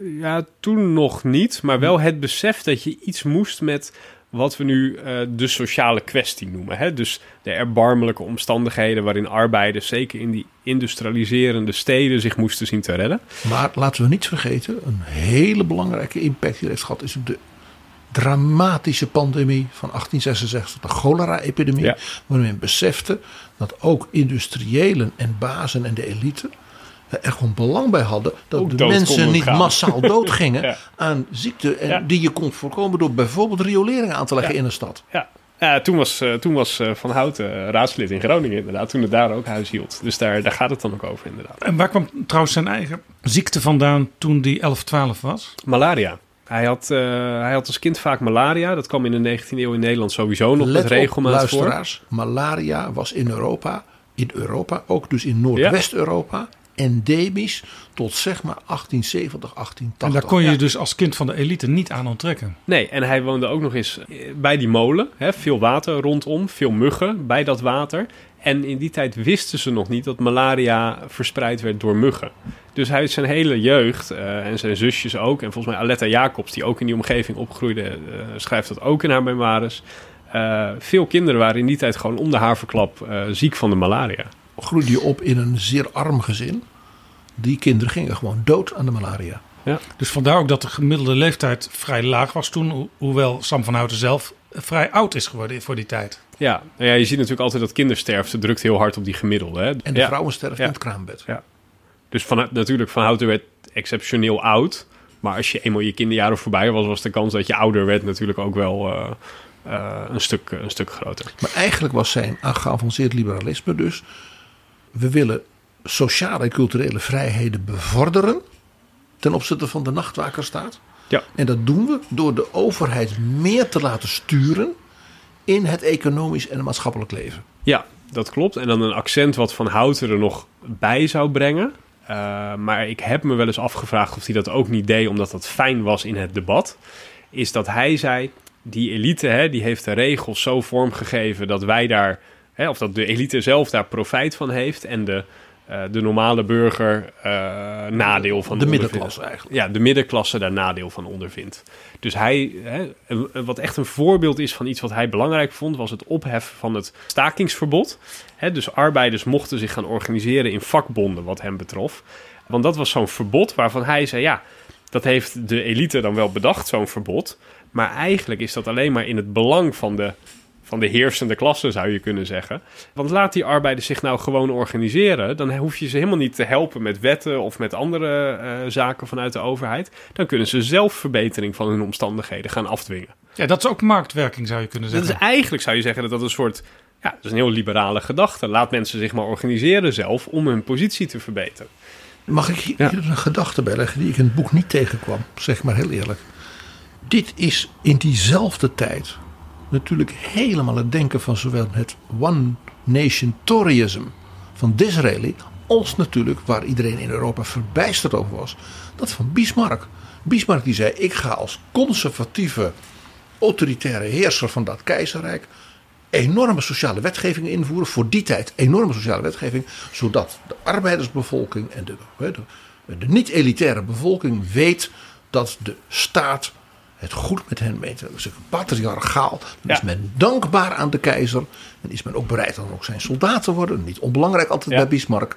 En die zei ook van dat die sociale wetgeving, dat was precies vanuit diezelfde gedachte. Het is beter dat ze dan naar school gaan, dat men gezond is, want dat is ook goed voor Ja. de natie. Ja, Van, van Houten die was, die was dus heel kritisch op Thorbecke. Hij was ook heel kritisch op Bismarck. Want hij zei ook van, hè, of je nou onderdrukt wordt door Bismarck of door 100.000 censuskiezers... dat maakte eigenlijk allemaal niks uit. Dus daarom was, hè, dat had ik net nog niet genoemd... maar was uitbreiding van het kiesrecht... Eh, en dan is er een heel debat over hoe ver je dat zou willen uitbreiden. Maar in elk geval meer mensen die je staatkundige rechten geeft... was voor hem heel belangrijk. Waarbij het natuurlijk Bismarck was. Die natuurlijk op dit punt de grote revolutionair was. Die het algemeen mannenkiesrecht Ja. in het keizerrijk doorvoerde. Ja. Dus in dat opzicht zat Sam van Houten in zijn kritiek op Bi- Bismarck niet helemaal op het goede plekje. Ja, maar welk jaar deed hij dat? 1871, bij, bij de invoering Ja, van, die- het, dat- van het keizerrijk. Ja, dat, die quote van mij die ik net noemde, die is wel van iets eerder. Maar Ja. niet, het scheelt niet veel. Maar het is heel interessant. En ik wijs ook op Disraeli, want Disraeli was ook geen liberaal. Hè. Zijn tegenstander Ja. was Gladstone. Dat was de god van de liberalen. Ja. Disraeli was een Tory, maar dat noemde hij One Nation Toryism. Maar dat, zit ook in de Nederlandse geschiedenis heen. Dat, dat kom je ook iets verder in dit boek voortdurend tegen. Wie uiteindelijk de grondwetsherziening voor elkaar krijgt in de jaren 1880. Kop er maar in, Heemskerk. Je ziet vervolgens ook dat Heemskerk ook een ja, gematigde conservatief eigenlijk... Hè, dat hij ook verdere sociale wetgeving doorvoert... nadat uit de parlementaire enquête naar uh, de arbeidsomstandigheden... die was al geïnitieerd door Goeman Borgesius, hè, ook een, een progressieve liberaal... Maar vervolgens is het uh, nee, kabinet Mackay, weer een, uh, een conservatief, die verdere sociale wetgeving doorvoert. Dus dat is natuurlijk best een constante in de Nederlandse parlementaire geschiedenis. Dat op de een of andere manier zijn we, we, we als in Nederlanders, volgens mij best goed om. Het maakt niet zo heel veel uit welk kabinet er op een bepaald moment zit. Op de een of andere manier duwen de omstandigheden het toch wel naar het nemen van bepaalde maatregelen die in de tijdsgeest liggen. Er is zoiets als omstandigheden die leiden tot bepaalde. Ja, ander voorbeeld. uh, ja. Het kabinet ja. Uyl wordt altijd gezegd het meest progressieve kabinet ooit. Maar het kabinet De Jong was al bezig met allerlei ja, grote hervormingen. Terwijl dat toch een soort uh, conservatief op de winkel passend kabinet uh, werd, werd gezien, gezien destijds. Ja. ja, maar zo zie je dus inderdaad dat dus Sam van Houtens fundamentele, ook democratische sociale idealen in andere landen. Ik, ik wees op Disraeli in Engeland en Bismarck in Duitsland. werd doorgevoerd. Misschien ook wel vanuit diezelfde gedachte. Maak de revolutie voordat ze uitbreidt. Ja, nee, maar hè, dat is eigenlijk een, een vorm van revolutieangst. Hè? En al die leiders keken natuurlijk naar dezelfde foto van de samenleving, zou je kunnen zeggen. Uh, allemaal hadden ze um, hè, die commune van Parijs 1871. Daar waren gewoon foto's van je keek gewoon recht in, in, in, in, in de loop van een, van een kanon en van een, uh, van een karabijn. Uh, als elite. En dat had overal wat teweeg gebracht. Dit is een heel ja. goed punt. Ja. De commune van Parijs was een onvoorstelbaar schrikbeeld ja. voor, zeg maar, na de zeer bloedige onderdrukking daarvan, vooral de, de winnaars. Die hadden zoiets van: we hebben het toen nog uh, ook door de instorting van de Franse staat. pan weten te krijgen. Ja. ja. en doordat de Pruisische legers hè, rond ja. Parijs lagen, heeft dus niet de Pruisen hebben het gedaan, de Fransen hebben de commune mm -hmm. in bloed gesmoord. Ja. Maar uh, de gedachte als zoiets weer gebeurt, die ja. leefde enorm. Ja, en ook, hè, dat zie je ook in de Kamerdebatten in die tijd, zeker omdat Van Houten die relativeert die commune op een gegeven moment, hè, die zegt van nou ja, ik begrijp het wel dat dit is gebeurd. Um, maar die opstandige arbeiders, die Parijzenaren, die hebben op een gegeven moment echt gewoon generaals tegen de muur gezet. Hè? En voor de Kamerleden van die tijd, ook die liberalen, ja, dan heb je het gewoon over een broer of een, ja. of een, of een nou neef ja. of zo. Hè? Dit, um, de familie ja. Pierson dacht, wij worden dan in Nederland wij tegen de muur gezet. Exact. Abraham Kuyper was natuurlijk de oprichter van letterlijk de anti-revolutionaire partij. Ja. Het interessante is, Kuyper vond ook dat er een aantal sociale dingen moesten ja, gebeuren. Zeker. Nee, Kuiper was natuurlijk eigenlijk een groot democraat. En, en hij noemde dat op een gegeven moment zelfs, Kuiper, christelijk liberalisme. Oh, ja, ja, ja. Kuiper heeft heel geworsteld met hoe hij zijn, zijn, zijn, zijn, zijn politieke stroming moest definiëren. Hij noemde in het begin dus christelijk liberalisme. Dus uitbreiding van het kiesrecht. Meer, hè, dus die links-liberale kant, mm -hmm. maar geïnspireerd vanuit christelijke overtuiging was natuurlijk heerlijk van Hannes van Houten, die natuurlijk daar gigantisch tegen inging. Want al dat christelijke gedoe, dat moest wel afgeschaft ja, worden. Ja, ja, Vervolgens is Kuiper, heeft hij, noemde dit omdat hij zo'n echte democraat was, christendemocratie. Dat is een term van Kuiper. En die merkte toen dat dus in gelovige kring, zeker buiten de intellectuelen en de steden, men dacht. Oh, dat moeten we niet hebben. Dat is allemaal heel. De democratie werd als iets van de Franse Revolutie ja. gezien. En zo is hij erop gekomen dat hij zei dat hij dat uiteindelijk ging gaan noemen. Het dus een Calvinistische ja. politieke filosofie. Het feit is, het woord antirevolutionair is in zekere zin ook een maskering van het democratische wat Kuiper juist ook wilde vooruitstuwen. Hij was dus tegen de democratische manier van denken van de Jacobijnen. En bijvoorbeeld de Savonin Lohman, zijn grote intellectuele partner heel lang, die zei: wat wij willen is een democratie zoals die van de Amerikaanse revolutie. Dat is ja, heel interessant te zeggen. Wij zijn dus tegen de Franse revolutie. Ja. Omdat we voor zeg maar, de Constitution van Philadelphia zijn. Ja. En dat is overigens ook weer interessant. Want er is best veel geschreven over hoe toch wel heel radicaal die Amerikaanse revolutie is. Hè? Annelien de Dijn heeft daar nu pas over geschreven. Maar daarvoor ook, uh, hoe heet die vent? Wood geloof ik the radicalism of the, eh, of the American Revolution. Dus of dat klopt kun je, kun je in het midden laten. Maar je ziet ook dat Kuiper het enorm aan de stok krijgt in zijn eigen partij. En dan noemt hij die mensen die dus niet mee willen met zijn beweging richting algemeen kiesrecht. Die noemt hij dan ook de heren miljonairs en zo. En de pelsjassen en zo. Daar Terwijl heeft hij in zekere zin zelf ook miljonair was. Ja, maar daar heeft hij dan allerlei denigrerende teksten over. Dat is, ja, dat is smullen om te lezen. Wat, wat, inderdaad. wat maakte dat Sam van Houten ook eh, voor het christelijke eigenlijk geen ruimte zag in de politiek? Hij, hij was echt een secularist. Ja, nou, hij is, we hadden het net nog even over hoe hij is opgegroeid. Hè? Dat was een doopsgezind gezin, inderdaad. Dat is natuurlijk al een hele vrije eh, religieuze stroming. In de zin van je schrijft je eigen geloofsbeleidenis. eh, kinderdoop deden ze niet aan. Dus hij was natuurlijk al een zeer vrijgevochten type. Op een gegeven moment neemt hij ook zelfs afstand van die doopsgezinde stroming. Eh, hij begint zich ook eh, nou, toch wel te beschouwen als een materialist. Dus het idee dat. eh, Net als Hè? Marx. ja, in zekere zin, ja. En je ziet dan ook dat hij een stuk op een gegeven moment publiceert in de gids. En dat werd... Nou, hij heeft zelf nooit gezegd dat hij atheïst was. Maar als je dat leest, dan is het wel vrij moeilijk om daar nog een religieuze entiteit in te fietsen. Dus hij komt eigenlijk steeds meer tot de overtuiging... Ja, dat er niets tussen hemel en aarde is. Hij is ook fel anti-paaps, zeg maar. Hè? Dus in, in het katholicisme ziet hij ook echt een bedreigende ontwikkeling. En Net hij- als Bismarck. ja, en hij gaat niet zo ver dat hij, dat hij bijvoorbeeld het bijzonder onderwijs wil verbieden. Hij vindt die hele onderwijskwestie vindt hij niet zo interessant. Dat is echt voor, als je kijkt naar de grote drie thema's uit de 19e eeuw, hè, onderwijs, sociale kwestie en kiesrecht, dan dat onderwijs boeit hem niet zoveel. Als ze in het katholieke zuiden katholiek onderwijs willen geven, nou dan moet dat maar. Overigens, op de openbare scholen hadden de liberalen geregeld. eh, werd ook een soort van christendom eh, ja, gedoseerd. voor, voor alle geloofsrichtingen. Hè. Een, een soort... eh, Gewoon maatschappijleer zouden wij nu zeggen. ja, one size fits all eh, christendom. Nee, het interessante is, hij was hierin. Dit is het enige punt waarin hij dus helemaal in lijn was met Thorbecke. Thorbecke heeft in 1848 de vrijheid van onderwijs in de grondwet gezet. Dat is iedereen, ook vaak in confessionele kring, vergeten. En zeker in een liberale kring. Want die zei, als mensen dat willen... Dus in zijn kiesdistrict van Thorbecke en Maastricht... wil men katholiek gekleurd onderwijs, dan is dat prima. Betaal je het wel zelf. En dat was wat Sam van Houten ook. Daarin was hij dus een typische, grappig genoeg, Thorbeckiaanse liberaal. Willen mensen dat, moeten ze dat doen. Alleen, hij, op een gegeven moment was hij dus best bereid om voor bijvoorbeeld, hè, want je had natuurlijk een grote padstelling over kiesrecht. Hij was best bereid dat onderwijs dan maar wat minder nauw te nemen als hij daarmee zijn kiesrechtuitbreiding kan. Het interessante van hem, dat is zijn vermogen tot bij al zijn polariserende en zelfs hè, felheid, ook, ook op dit thema. Zijn vermogen tot ongekende Jan de Koning-achtige pragmatiek. En dat is wat ik in het boek zo fascinerend vind. Hij is en, net als Ronald Plasterk, een, een, een virulente, zelfs venijnige secularist.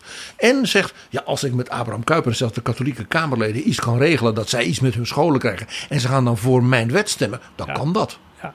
Nee, dat, eh, dat ziet hij heel scherp, inderdaad.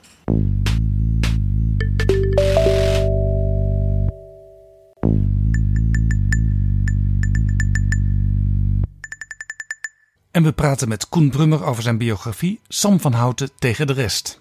Hij groeide op in Groningen. Hij werd ook Kamerlid vanuit Groningen. Afgevaardigde.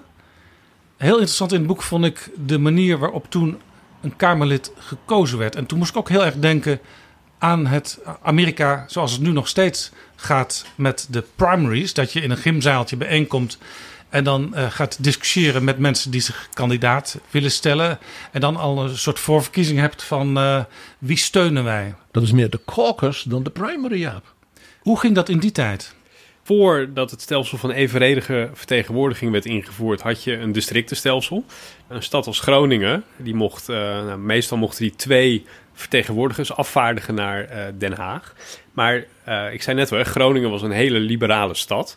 Dus eigenlijk de daadwerkelijke verkiezing, die was meestal niet zo spannend. Want je had dus kiesverenigingen die ja, formeel geen kandidaten stelden, maar dat waren wel de podia waarop je je als persoon die gekozen wilde worden kon profileren. En daar werden dus ook debatten gehouden. Zeker, die, die organiseerde avonden. Je had in een stad als Groningen ook geregeld zes, zeven liberale kiesverenigingen. Die elkaar bestreden.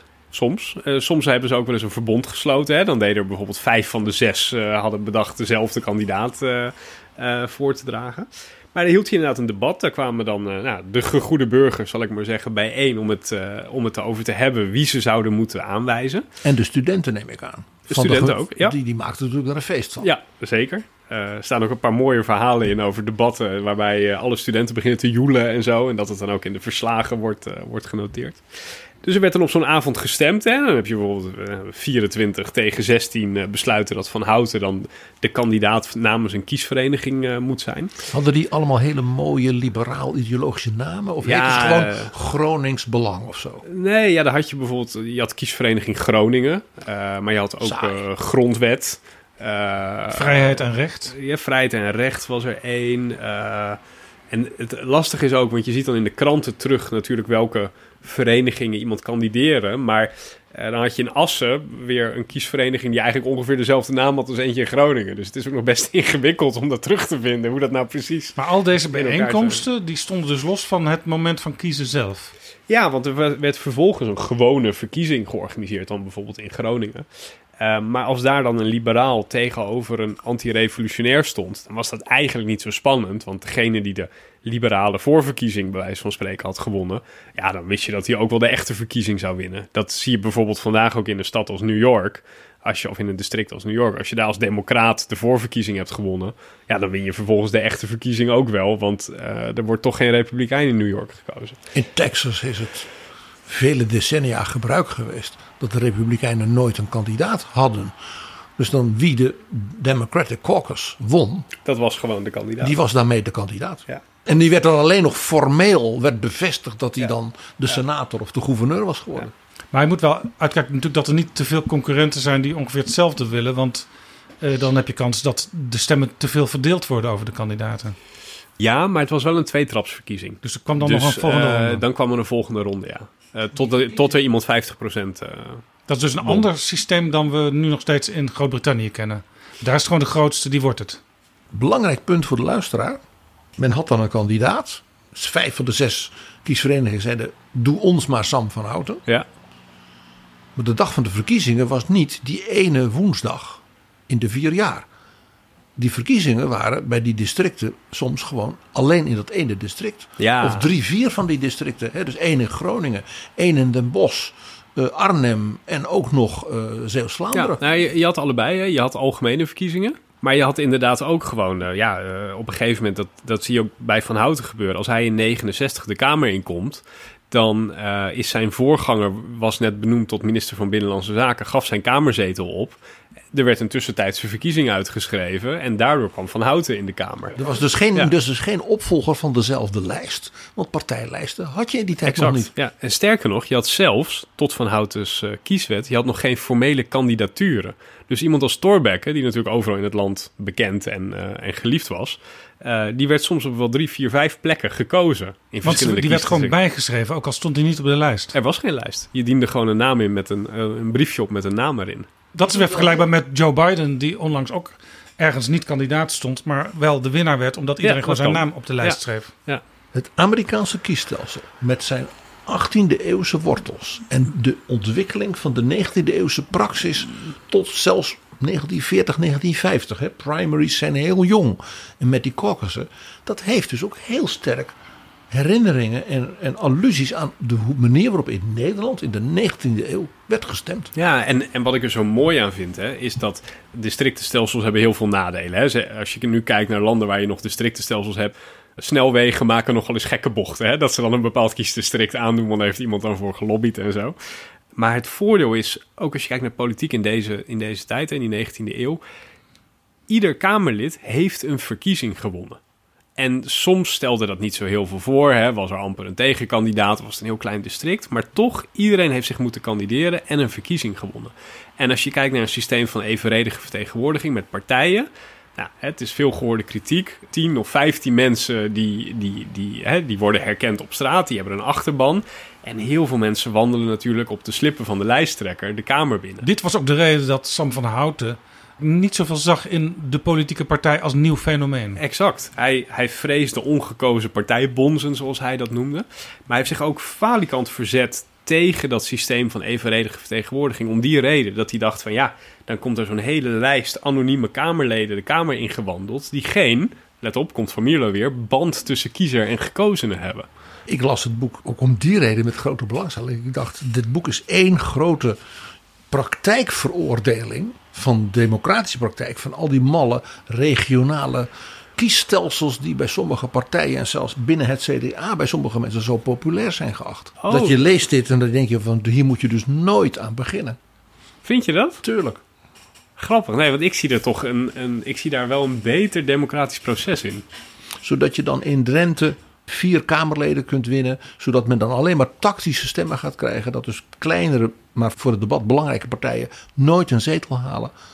Dat hoeft niet. Volkomen ondemocratisch. Dat hoeft niet. Nee, er is ook toch, toch tegen Sam van Houten wel eens samengezworen door verschillende stromingen om iemand anders in zijn plaats verkozen te krijgen. De confessionelen hebben het spijkerhard gespeeld, zoals je dat ook mag verwachten van de gereformeerden in hun politiek. eh, gewoon te zeggen van, wij gaan desnoods voor de meest rode aanhanger Ja, van Domela. Nieuwenhuis stemmen. Ja. Alleen maar om die Van lijkverbrander en godsdiensthater van Houten een blauw oog te Zeker, bezorgen. zeker. En dat Maar is wat je krijgt maar- met een soort regionale Ja, maar te- verkiezingslijsten. tegelijkertijd zag je dat bijvoorbeeld Groningen, die, dat was er heel lang trots op. Hè, die waren het lang niet met alles eens met wat Van Houten allemaal inbracht. Maar die hadden wel zoiets van, als er nou één stad of district dan een radicaal in de Tweede Kamer kan zetten, dan zijn wij dat en dan zijn we dat ook in onze eer verplicht. Dus dat idee dat extreme stemmen hè, of kleine partijen, dat die geen plek zouden hebben in een districtenstelsel, dat hoeft helemaal niet. Je ziet ook wel eens, Maar dat is lokaal tribalisme. ja, maar ja, het is niet aan ons om te beslissen waar kiezers hun stem op baseren, toch? PG soms nog een beetje uit diezelfde tijd van je moet ook niet aan iedereen kiesrecht geven. Dat is algemeen bekend, ja. Ook aan de luisteraars dat PG een grote democraat is, maar in alles met mate. Kamerleden werden dus gekozen regionaal. Lokaal zelfs. En als ze dan eenmaal in de Kamer zaten, eh, dan moest er op een bepaald moment ook een nieuw kabinet gevormd worden. We zitten nu natuurlijk in een tijd van Een extra kabinetsformatie. parlementair kabinet werd er dan. eh, Nou ja, hoe gevormd. ging dat in die tijd? Hoe werd een kabinet gevormd? Want partijen waren er amper. Die, dat kwam langzaam een klein beetje op. Verkenners waren er niet, informateurs. Maar het was Nou, wel een beetje er, wa- van- er waren wel degelijk verkenners. maar en- die heten anders. Die heten anders. Kijk, dat, dat is heel leuk en dat vond ik ook heel leuk om, om op te schrijven in dit boek. Wie was de gom van Strien van de jaren van Sam van Houten? Ja, nee, kijk, je had natuurlijk eh, eh, het staatshoofd, de koning of, eh, of de regentes, die in principe iemand mocht belasten met de opdracht een kabinet eh, te bouwen. Dus was die soms zelf een beetje de verkenner? Nee, maar je ziet bijvoorbeeld wel, hè, eh, de, eh, de vicevoorzitter van de Raad van State beschrijf ik bijvoorbeeld, hoe die op een gegeven moment te werk gaat aan het, aan het eh, dat hij alle hoofdrolspelers begint te spreken. Dat hij ook bij al die hoofdrolspelers informeert van, nou, zou Van Houten het misschien kunnen doen, hè, een kabinet formeren en een kabinet leiden. Nou, dan zegt iedereen dat eh, dat kabinet zou al vallen bij de eerste ontmoeting eh, met de Tweede Kamer als Van Houten dit zou moeten doen. Maar je ziet dus dat in die kring rond het Hof er allerlei verkennerstypes, zou je kunnen zeggen, eh, rondlopen, zoals we die nu informateurs noemen of, eh of Maar dat was inderdaad. toen nog allemaal heel informeel. Hè? Zeer. Dat ja. was niet voor de pers. Nee. Er was geen persconferentie door, van de onderkoning. Dat hij zei, nou, ik heb eens van. gedacht... Hè, je hebt gedacht dat misschien de heer Van Houten... maar nou ja, het, dat wil niet erg. je ziet, en dat, dat was leuk, want dan kun je ook weer het, het heilige Delver, kun je weer terugvinden van wanneer beginnen nou berichten over een nieuw kabinet te verschijnen in kranten. Een nieuwe ministersploeg. En dan zie je dat enkele dagen voordat het op het bordes staat, beginnen kranten de juiste namen te noemen. Dus dan is er dus toch blijkbaar wel een Heb je het dan over 1880, zoiets, rond die tijd? Eh, ja, het voorbeeld wat ik nu noem is, eh, is 1894. Dus dan merk je toch van, nou, hè, het was niet een helemaal waterdicht proces. En er begon van alles te lekken, zou je kunnen zeggen. Er waren vaak kabinetten van gemengde samenstelling, bijvoorbeeld liberalen en, en katholieken. Maar er waren ook perioden dat de liberalen dachten: als we het nou zo spelen, dan kunnen we misschien wel een volledig liberaal kabinet organiseren. Er waren ook kabinetten waar hele losse types in zaten die eigenlijk niet zoveel met elkaar hadden. En na een periode ook dachten: van moeten wij nog wel doorgaan? Dat zou je misschien een extra parlementair kabinet kunnen noemen. Ja, je, ziet nu in de formatie natuurlijk dat er een extra parlementair kabinet wordt geroepen. Eh, Geroepen, en- niemand weet wat het is. Nee, exact. En kijk, als ik daaraan denk, dan, dan denk ik eerder aan deze praktijk die ik net omschreef. Hè, met een staatshoofd die gewoon tegen een figuur zegt. Bijvoorbeeld, hè, op een gegeven moment was dat tegen Van Tienhoven. Dat was dan een, een liberaal burgemeester van Amsterdam. Die moest bij de koning komen en die zei... Nou, jij gaat nu een kabinet vormen en zoek maar uit of dat kan rekenen op goede samenwerking met de Staten-Generaal. Even voor vandaag. Dus een extra parlementair kabinet in de zuivere zin van zeg maar, het Torbeckiaans Nederland zou betekenen dat Willem-Alexander belt Femke Halsema. En die zegt: Als jij nou eens met wat mensen gaat praten, je bent een oud fractieleider, je bent een zeer ervaren bestuurder, alom gewaardeerd en geacht. En dan word jij premier. Zo ging het dus. Ja, zo ging het. Zou Kip Putters dat weten? zou, zou Dylan Jezielgus dat weten? Het was natuurlijk wel zo dat Zou Willem-Alexander dat weten? het voorbeeld is niet helemaal in, in deze tijd natuurlijk eh, van toepassing. Want Nee, maar dit was de praktijk van toen, wel- hè? daarom zeg ik dat klopt. natuurlijk wel, de verkiezingsuitslag wijst ongeveer naar die richting. Dus Zeker. die mensen die aangezocht worden, die moeten zich daar wel enigszins senang bij voelen. Ja, nee, eens. Kijk, want die van Tienhoven die stond bekend als min of meer progressieve liberaal. Toen was er een min of meer progressieve liberale meerderheid. Kijk, in die zin waren, waren die staatshoofden met hun adviseurs natuurlijk ook niet helemaal gek. Eh, hè, die, koch- die selecteerden daar natuurlijk wel op. Maar wat je wel zag, en dat was iets waar Van Houten zeer kritisch op was... was dat heel veel van die kabinetten, uitzondering daar gelaten... toch een beetje geleid werden door de ja, misschien wel met terugwerkende kracht zou je kunnen zeggen, de handige CDA'ers. Zo iemand als Heemskerk, die werd een sluwe vos genoemd, omdat hij gewoon, hè, die nam dan ook nog twee liberale heren op in zijn kabinet. En die dacht, nou, met deze club kan ik wel ongeveer een paar jaar regeren zonder door de Kamer weggestuurd te worden. En, en Van Houten was daar heel kritisch op, want die wilde eigenlijk een veel moderner politiek schouwspel. Hè? Die wilde gewoon, je hebt, eh, je, hebt, je hebt een soort politieke leiders. Neem Kapijnen, die het dan een periode was. Hij wilde ook dat hij, als hij eh, eerste minister werd, dat hij ook in de Kamer zou blijven. Als een soort Brits eh, parlementariër voor de troepen uit. En dat hij daar dan het, het, het regeringsbeleid zou verdedigen vanuit de Kamer. Dus die was juist heel erg gekant tegen die, die grijze massa, zoals hij dat zag. Dus dat was meer de lijn, ik zal maar zeggen, Bolkestein, Buma, Pechtold. Ja. Die zeggen van ik blijf als partijleider bewust omwille van het heel helder verdedigen van onze manier van denken van het kabinetsbeleid Ja. in de Kamer. Ja, met als verschil dat Van Houten zei, je mag allebei doen. Dus hij wilde eigenlijk dat je als bewindspersoon ook Kamerlid mocht zijn. Zoals in Duitsland. En zoals in Engeland. Dat is fascinerend. Ja, dat was heel boeiend. En dat was voor hem echt een, een van de belangrijkste punten in hoe hij naar kabinetten keek. Dat is ook echt iets wat die andere liberalen zeer kwalijk nam. Dat ze meteen hun kamerzetel opgaven zodra ze dienaar van de kroon konden worden. Want daarmee waren ze ook eigendom van de kroon. En hun positie kwijt. Maar dat is dan weer het tegendeel van extra parlementair. Als een minister ook in de Kamer zit, dan ben je juist heel parlementair. Ja, nee, maar Van Houten was ook een tegenstander van wat hij noemde koninklijke kabinetten. Hè, hij vond dat een ondemocratische Dat telefoontje exercitie. van Willem-Alexander naar Halsema, dat was hem een horreur. Ja, En exact. dat mevrouw Merkel ka- bon- bondeskanserin was en dus lid voor het kiesdistrict Straalsund. Dat prachtige oude middeleeuwse stadje daar in, in Ja, of Cameron voor Whitney of zo. Dat vond ik. hij Zo mooi. hoorde dat. Zo ja, hoorde ja. En nog één ding, want het is te mooi om het niet te vertellen. Sorry dat ik eh, overal doorheen eh, wandel nu. Toen hij minister was geweest... Kijk, hij verloor zijn kamerzetel in 1894... maar werd wel gevraagd als minister van Binnenlandse Zaken. Dat nam hij aan. Maar vervolgens stelde hij zich als zittende minister... dus ook weer kandidaat voor een zetel in Groningen. Voor zijn gevoel natuurlijk zijn zetel in Groningen. En ging hij dat ook echt, ging hij gewoon zijn, zijn beleid als minister was inzet van de verkiezingsstrijd voor hem. Het heeft niet geholpen, hij won die verkiezing niet. maar dat was wel echt zijn inzet. En desondanks ontdekte dus de jonge koningin Emma als regentes de Sam van Houten van toen. Want ze dacht van dat had ik nooit gedacht dat ik die man zo zou waarderen. Ja, ja, ja. Dat is toch fascinerend, de Ja, periode van onze geschiedenis. En dat had een beetje te maken, het is al aangestipt eerder, met zijn praktische aanpak, zijn pragmatisme zou je kunnen zeggen. Hij stond dus bekend als eh, ja, oproerkraaier. Maar zowel, radicaal. zowel bij het kinderwetje als eh, toen hij minister was eh, bij de kieswet, ging hij toch vooral voorzichtig te werk. In die zin, hij wilde natuurlijk een meerderheid achter zijn plannen. En da- daarvoor was hij bereid ook veel toe te geven. Ja, het is een beetje welke bril je opzet. Hè? Want ik hoorde het PG net zeggen. En mijn analyse is iets anders. Het is waar, hij had zeker, naarmate hij langer Kamerlid was, zie je gewoon dat zijn politieke vernuft groeit. Hè? Hij gaat op een gegeven moment tot een van de meer ervaren Kamerleden behoren. Maar volgens mij is het zo dat de momenten dat Van Houten echt in staat was het verschil te maken. Dus of dat nou was dat hij voor het eerst een goede agenda tegen Thorbecke formuleerde, of de kinderwet, of de kieswet enzovoorts. Dat zijn de momenten dat die koppigheid juist in zijn voordeel begon te werken. Dus neem de kieswet. Uh, de helft van de Kamer wilde verder gaan. De andere helft van de Kamer wilde minder ver gaan.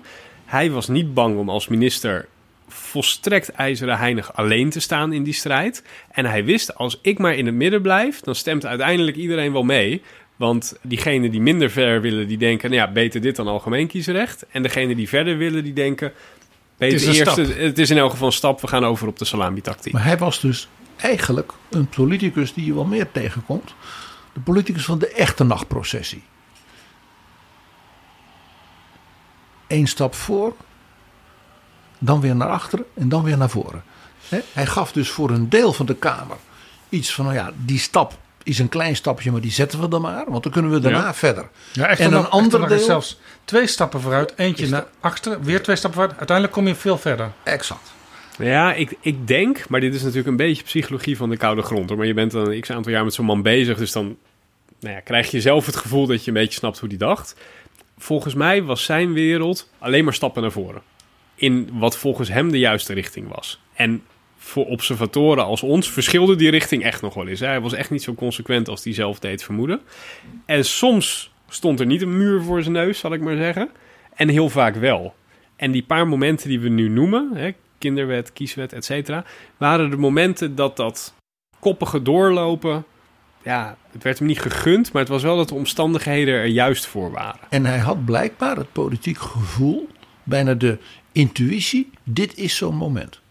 Ja, dat denk ik wel. En dat zie je bij bijvoorbeeld zo'n kieswet. Hè. Dat is echt, nou, dat werd ook door tijdgenoten omschreven als zijn finest moment. Hè. Uh, de Beaufort, uh, een ander Kamerlid die hele mooie dagboeken heeft geschreven, die schrijft dat daar ook echt in van.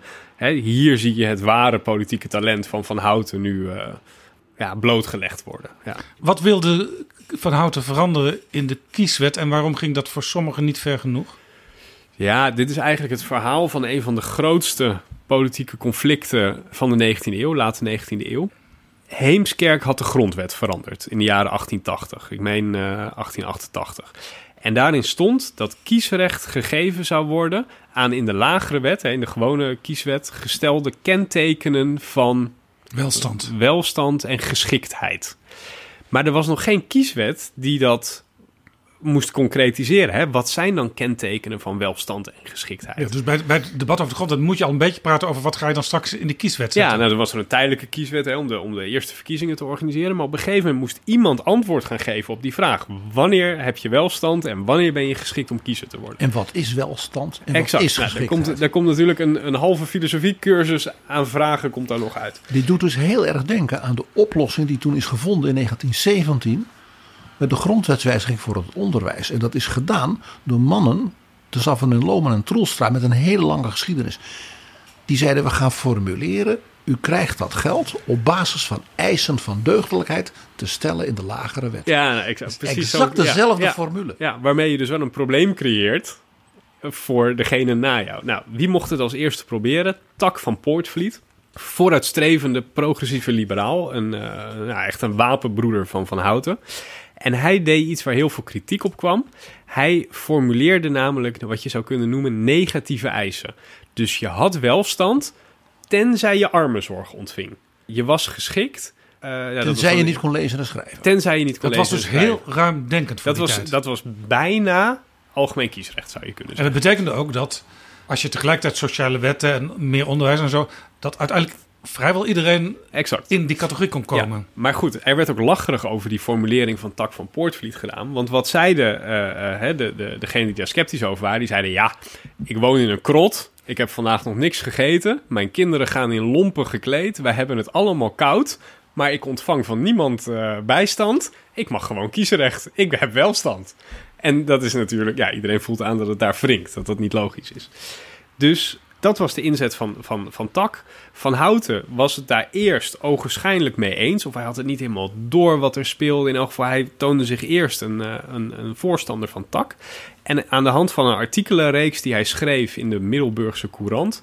kon ik precies uitzoeken hoe zijn opvattingen over dat kiesrechtvoorstel per week veranderden. Dus hoe meer hij erover nadacht, hoe meer hij bezwaren ontdekte. Exact. Heel interessant, want hij liet dus in feite de lezers van de Middelburgse Courant Ja. ehm, meelezen in zijn brein.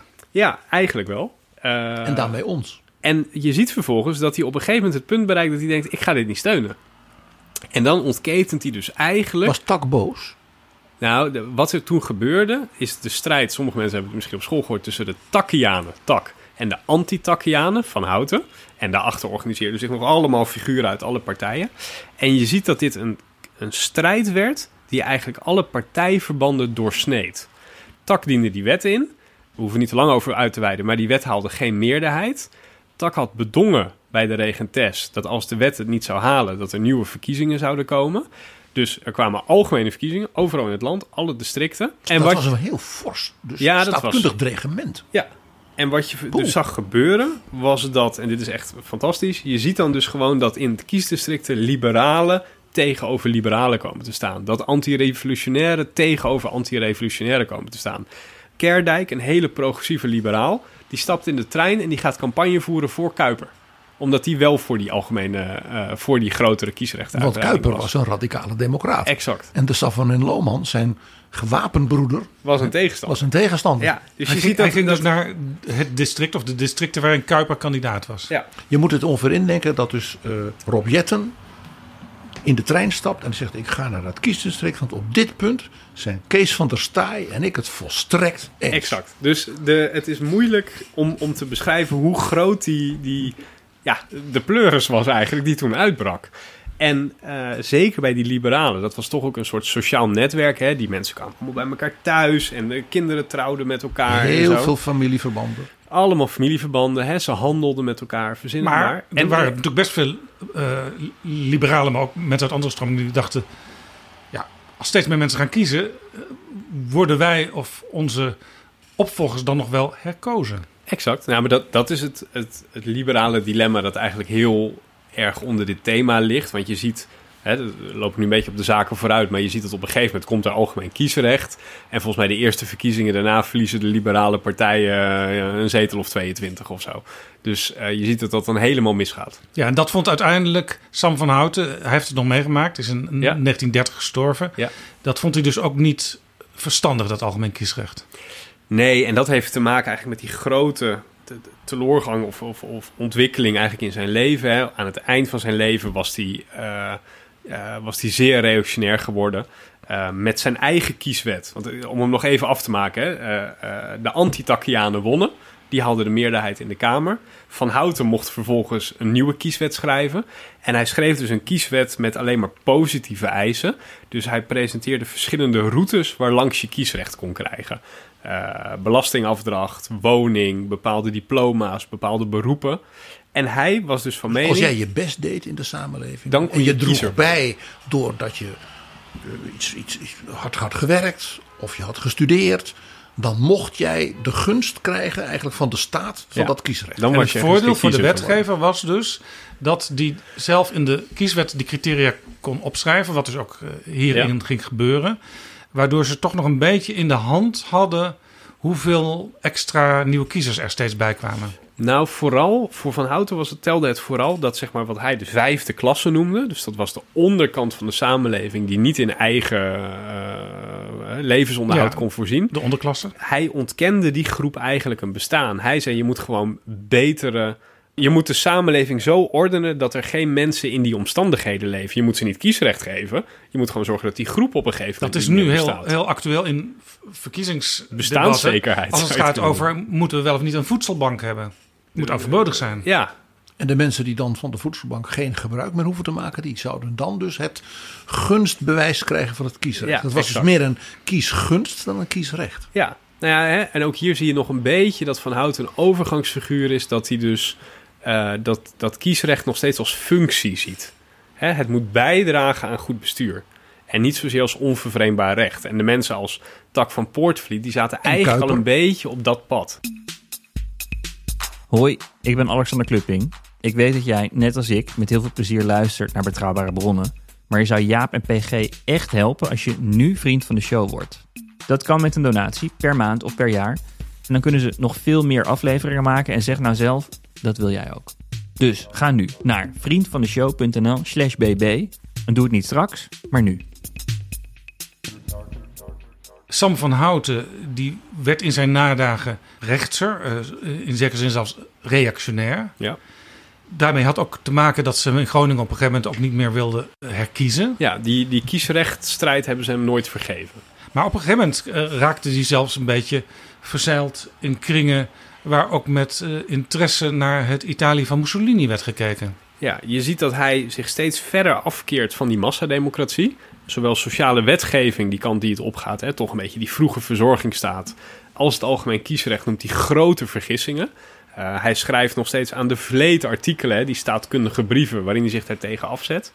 Hij weet op zijn 85ste nog een kamerzetel te winnen met de Liberale Partij. Die eigenlijk, zijn eigen, partij. zijn eigen partijtje, die eigenlijk gewoon een soort tienpuntenplan heeft. Uh, en eigenlijk is dat gewoon een soort samenvatting van terug naar de 19e eeuw. Hè? Dus uh, de vergissing van het algemeen kiesrecht moet worden teruggedraaid. En het komische was, hij was eigenlijk al te oud toen om die zetel in te nemen. Ja. En toen is er voor het eerst een vrouwelijke partijleider in de Kamer gekomen op zijn zetel. Ja, exact. Dat paste dan weer wel bij zijn dat paste zeer, ja. emancipatie-ideaal, wat hij al zo vroeg ja. Nee, als radicaal had. Uh, Lizzie van Dorp, Elisabeth van Dorp, dat was dat uh, Kamerlid. Kreeg hij overigens ook weer meteen ruzie mee, hè? Natuurlijk, voor de goede orde. Natuurlijk. Maar even nog een ding. Was speelde hier niet ook dat... Ik proef dat in het boek, dat hij zei... ja, dat algemeen kiesrecht is allemaal mooi. Maar ja, zo'n Kuiper, hè, die dat wilde die heeft hiermee natuurlijk nog iets gekregen. Dit betekent dat er de, zeg maar de gelovige massa in Nederland, katholiek en protestant, gewoon nu de macht in de staat is. En de heren van stand, hè, zoals hij Ja, zelf ja. en zijn mensen, ja, dat die gewoon eh, gemarginaliseerd zijn. Dat Ja. het ook een machtskwestie was. Dat kan ik niet uitsluiten. Alleen zelf zei hij altijd: je mag een kiesstelsel nooit beoordelen op de uitkomsten. Hè, dat zei die, heeft hij meerdere keren in zijn, in zijn lange loopbaan in de Kamer ook gezegd. Maar goed, niets, niets menselijks is een politicus vreemd, dus je moet het nooit uitsluiten. Hoe kwam hij uiteindelijk terecht in, in nou, wellicht proto-fascistisch vaarwater?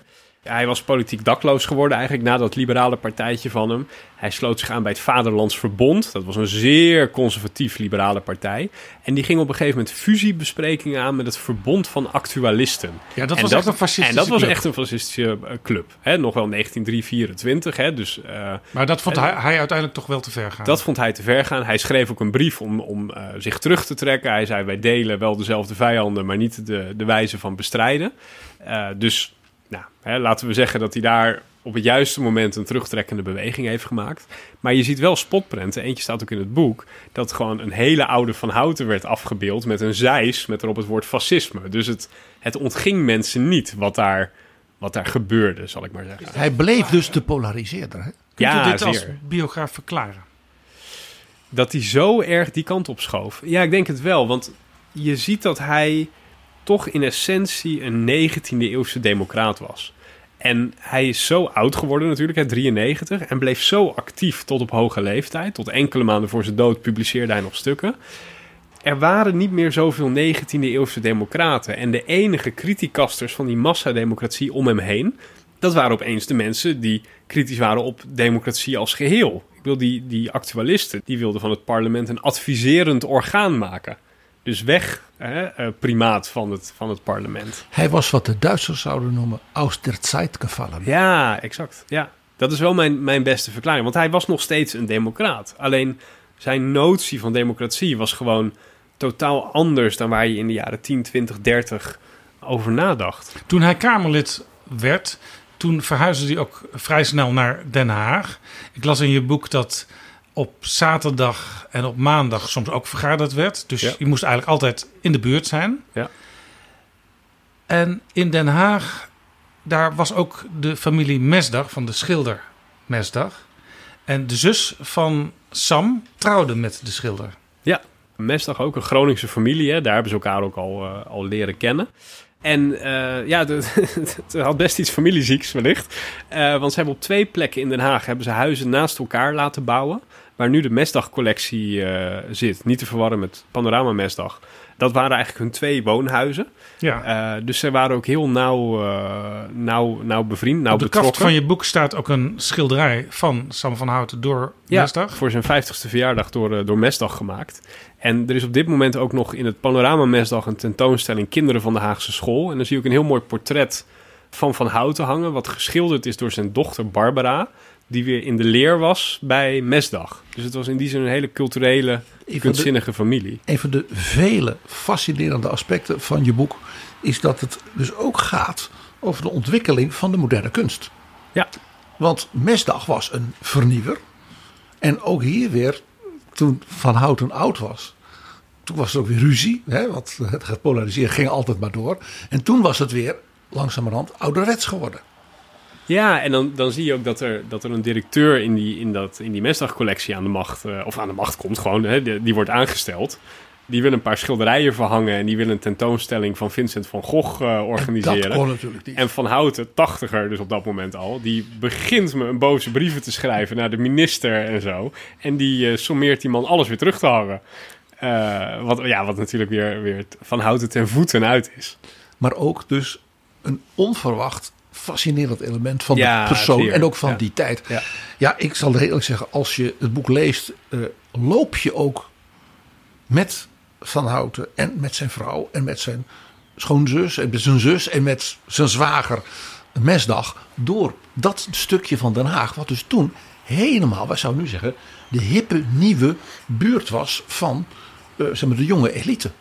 Wat nu dus, denken wij, het klassieke, oude, Den Haag is, hè, waar dus de sfeer van Couperus nog hangt. Ja. Maar ook Couperus was natuurlijk iemand die in die tijd tot die groep behoorde. Ja, nee, dit waren, dit waren, hè, dat gold voor Van Hout als politicus, dat gold voor Mesdag als schilder. Zij gingen heel bewust in nieuwbouwwijken wonen. En nu denk je inderdaad van, nou, die prachtige klassieke bouw. En eh, ik woon zelf ook in Den Haag en daar fiets ik met heel veel plezier doorheen elke dag. Maar dit waren de vernieuwende figuren van die tijd. Mesdag was een hele ondernemende kunstenaar. Dat was eigenlijk niet heel chic, Nee. zou je kunnen zeggen.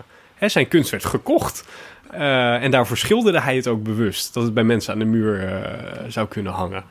Uh, en dat kwam dan ook nog samen in de witte en zo. En ja. En er werden ook opdrachten gezocht. Voor, Ja. Kan ik niet iemand regelen die jou een portret van zijn kinderen laat schilderen? Of, eh, hè, want ja, er moest wel geld verdiend worden. Dus dat was een hele nieuwe, niet bohemien-achtige manier. Zoals van, hè, bij Van Gogh, van het kunstbedrijf. ja, nee, zeer, zeer. Het blad waarvan Sam van Houten hoofdredacteur was, heette Vragen destijds. We hebben heel veel vragen over die tijd nu beantwoord in dit gesprek. Misschien ook zelfs wel wat vragen van onze eigen tijd. Want soms lijken dingen toch weer heel erg op elkaar. Koen Brummer, mogen wij jou heel hartelijk danken voor dit gesprek. Ja, dank jullie wel.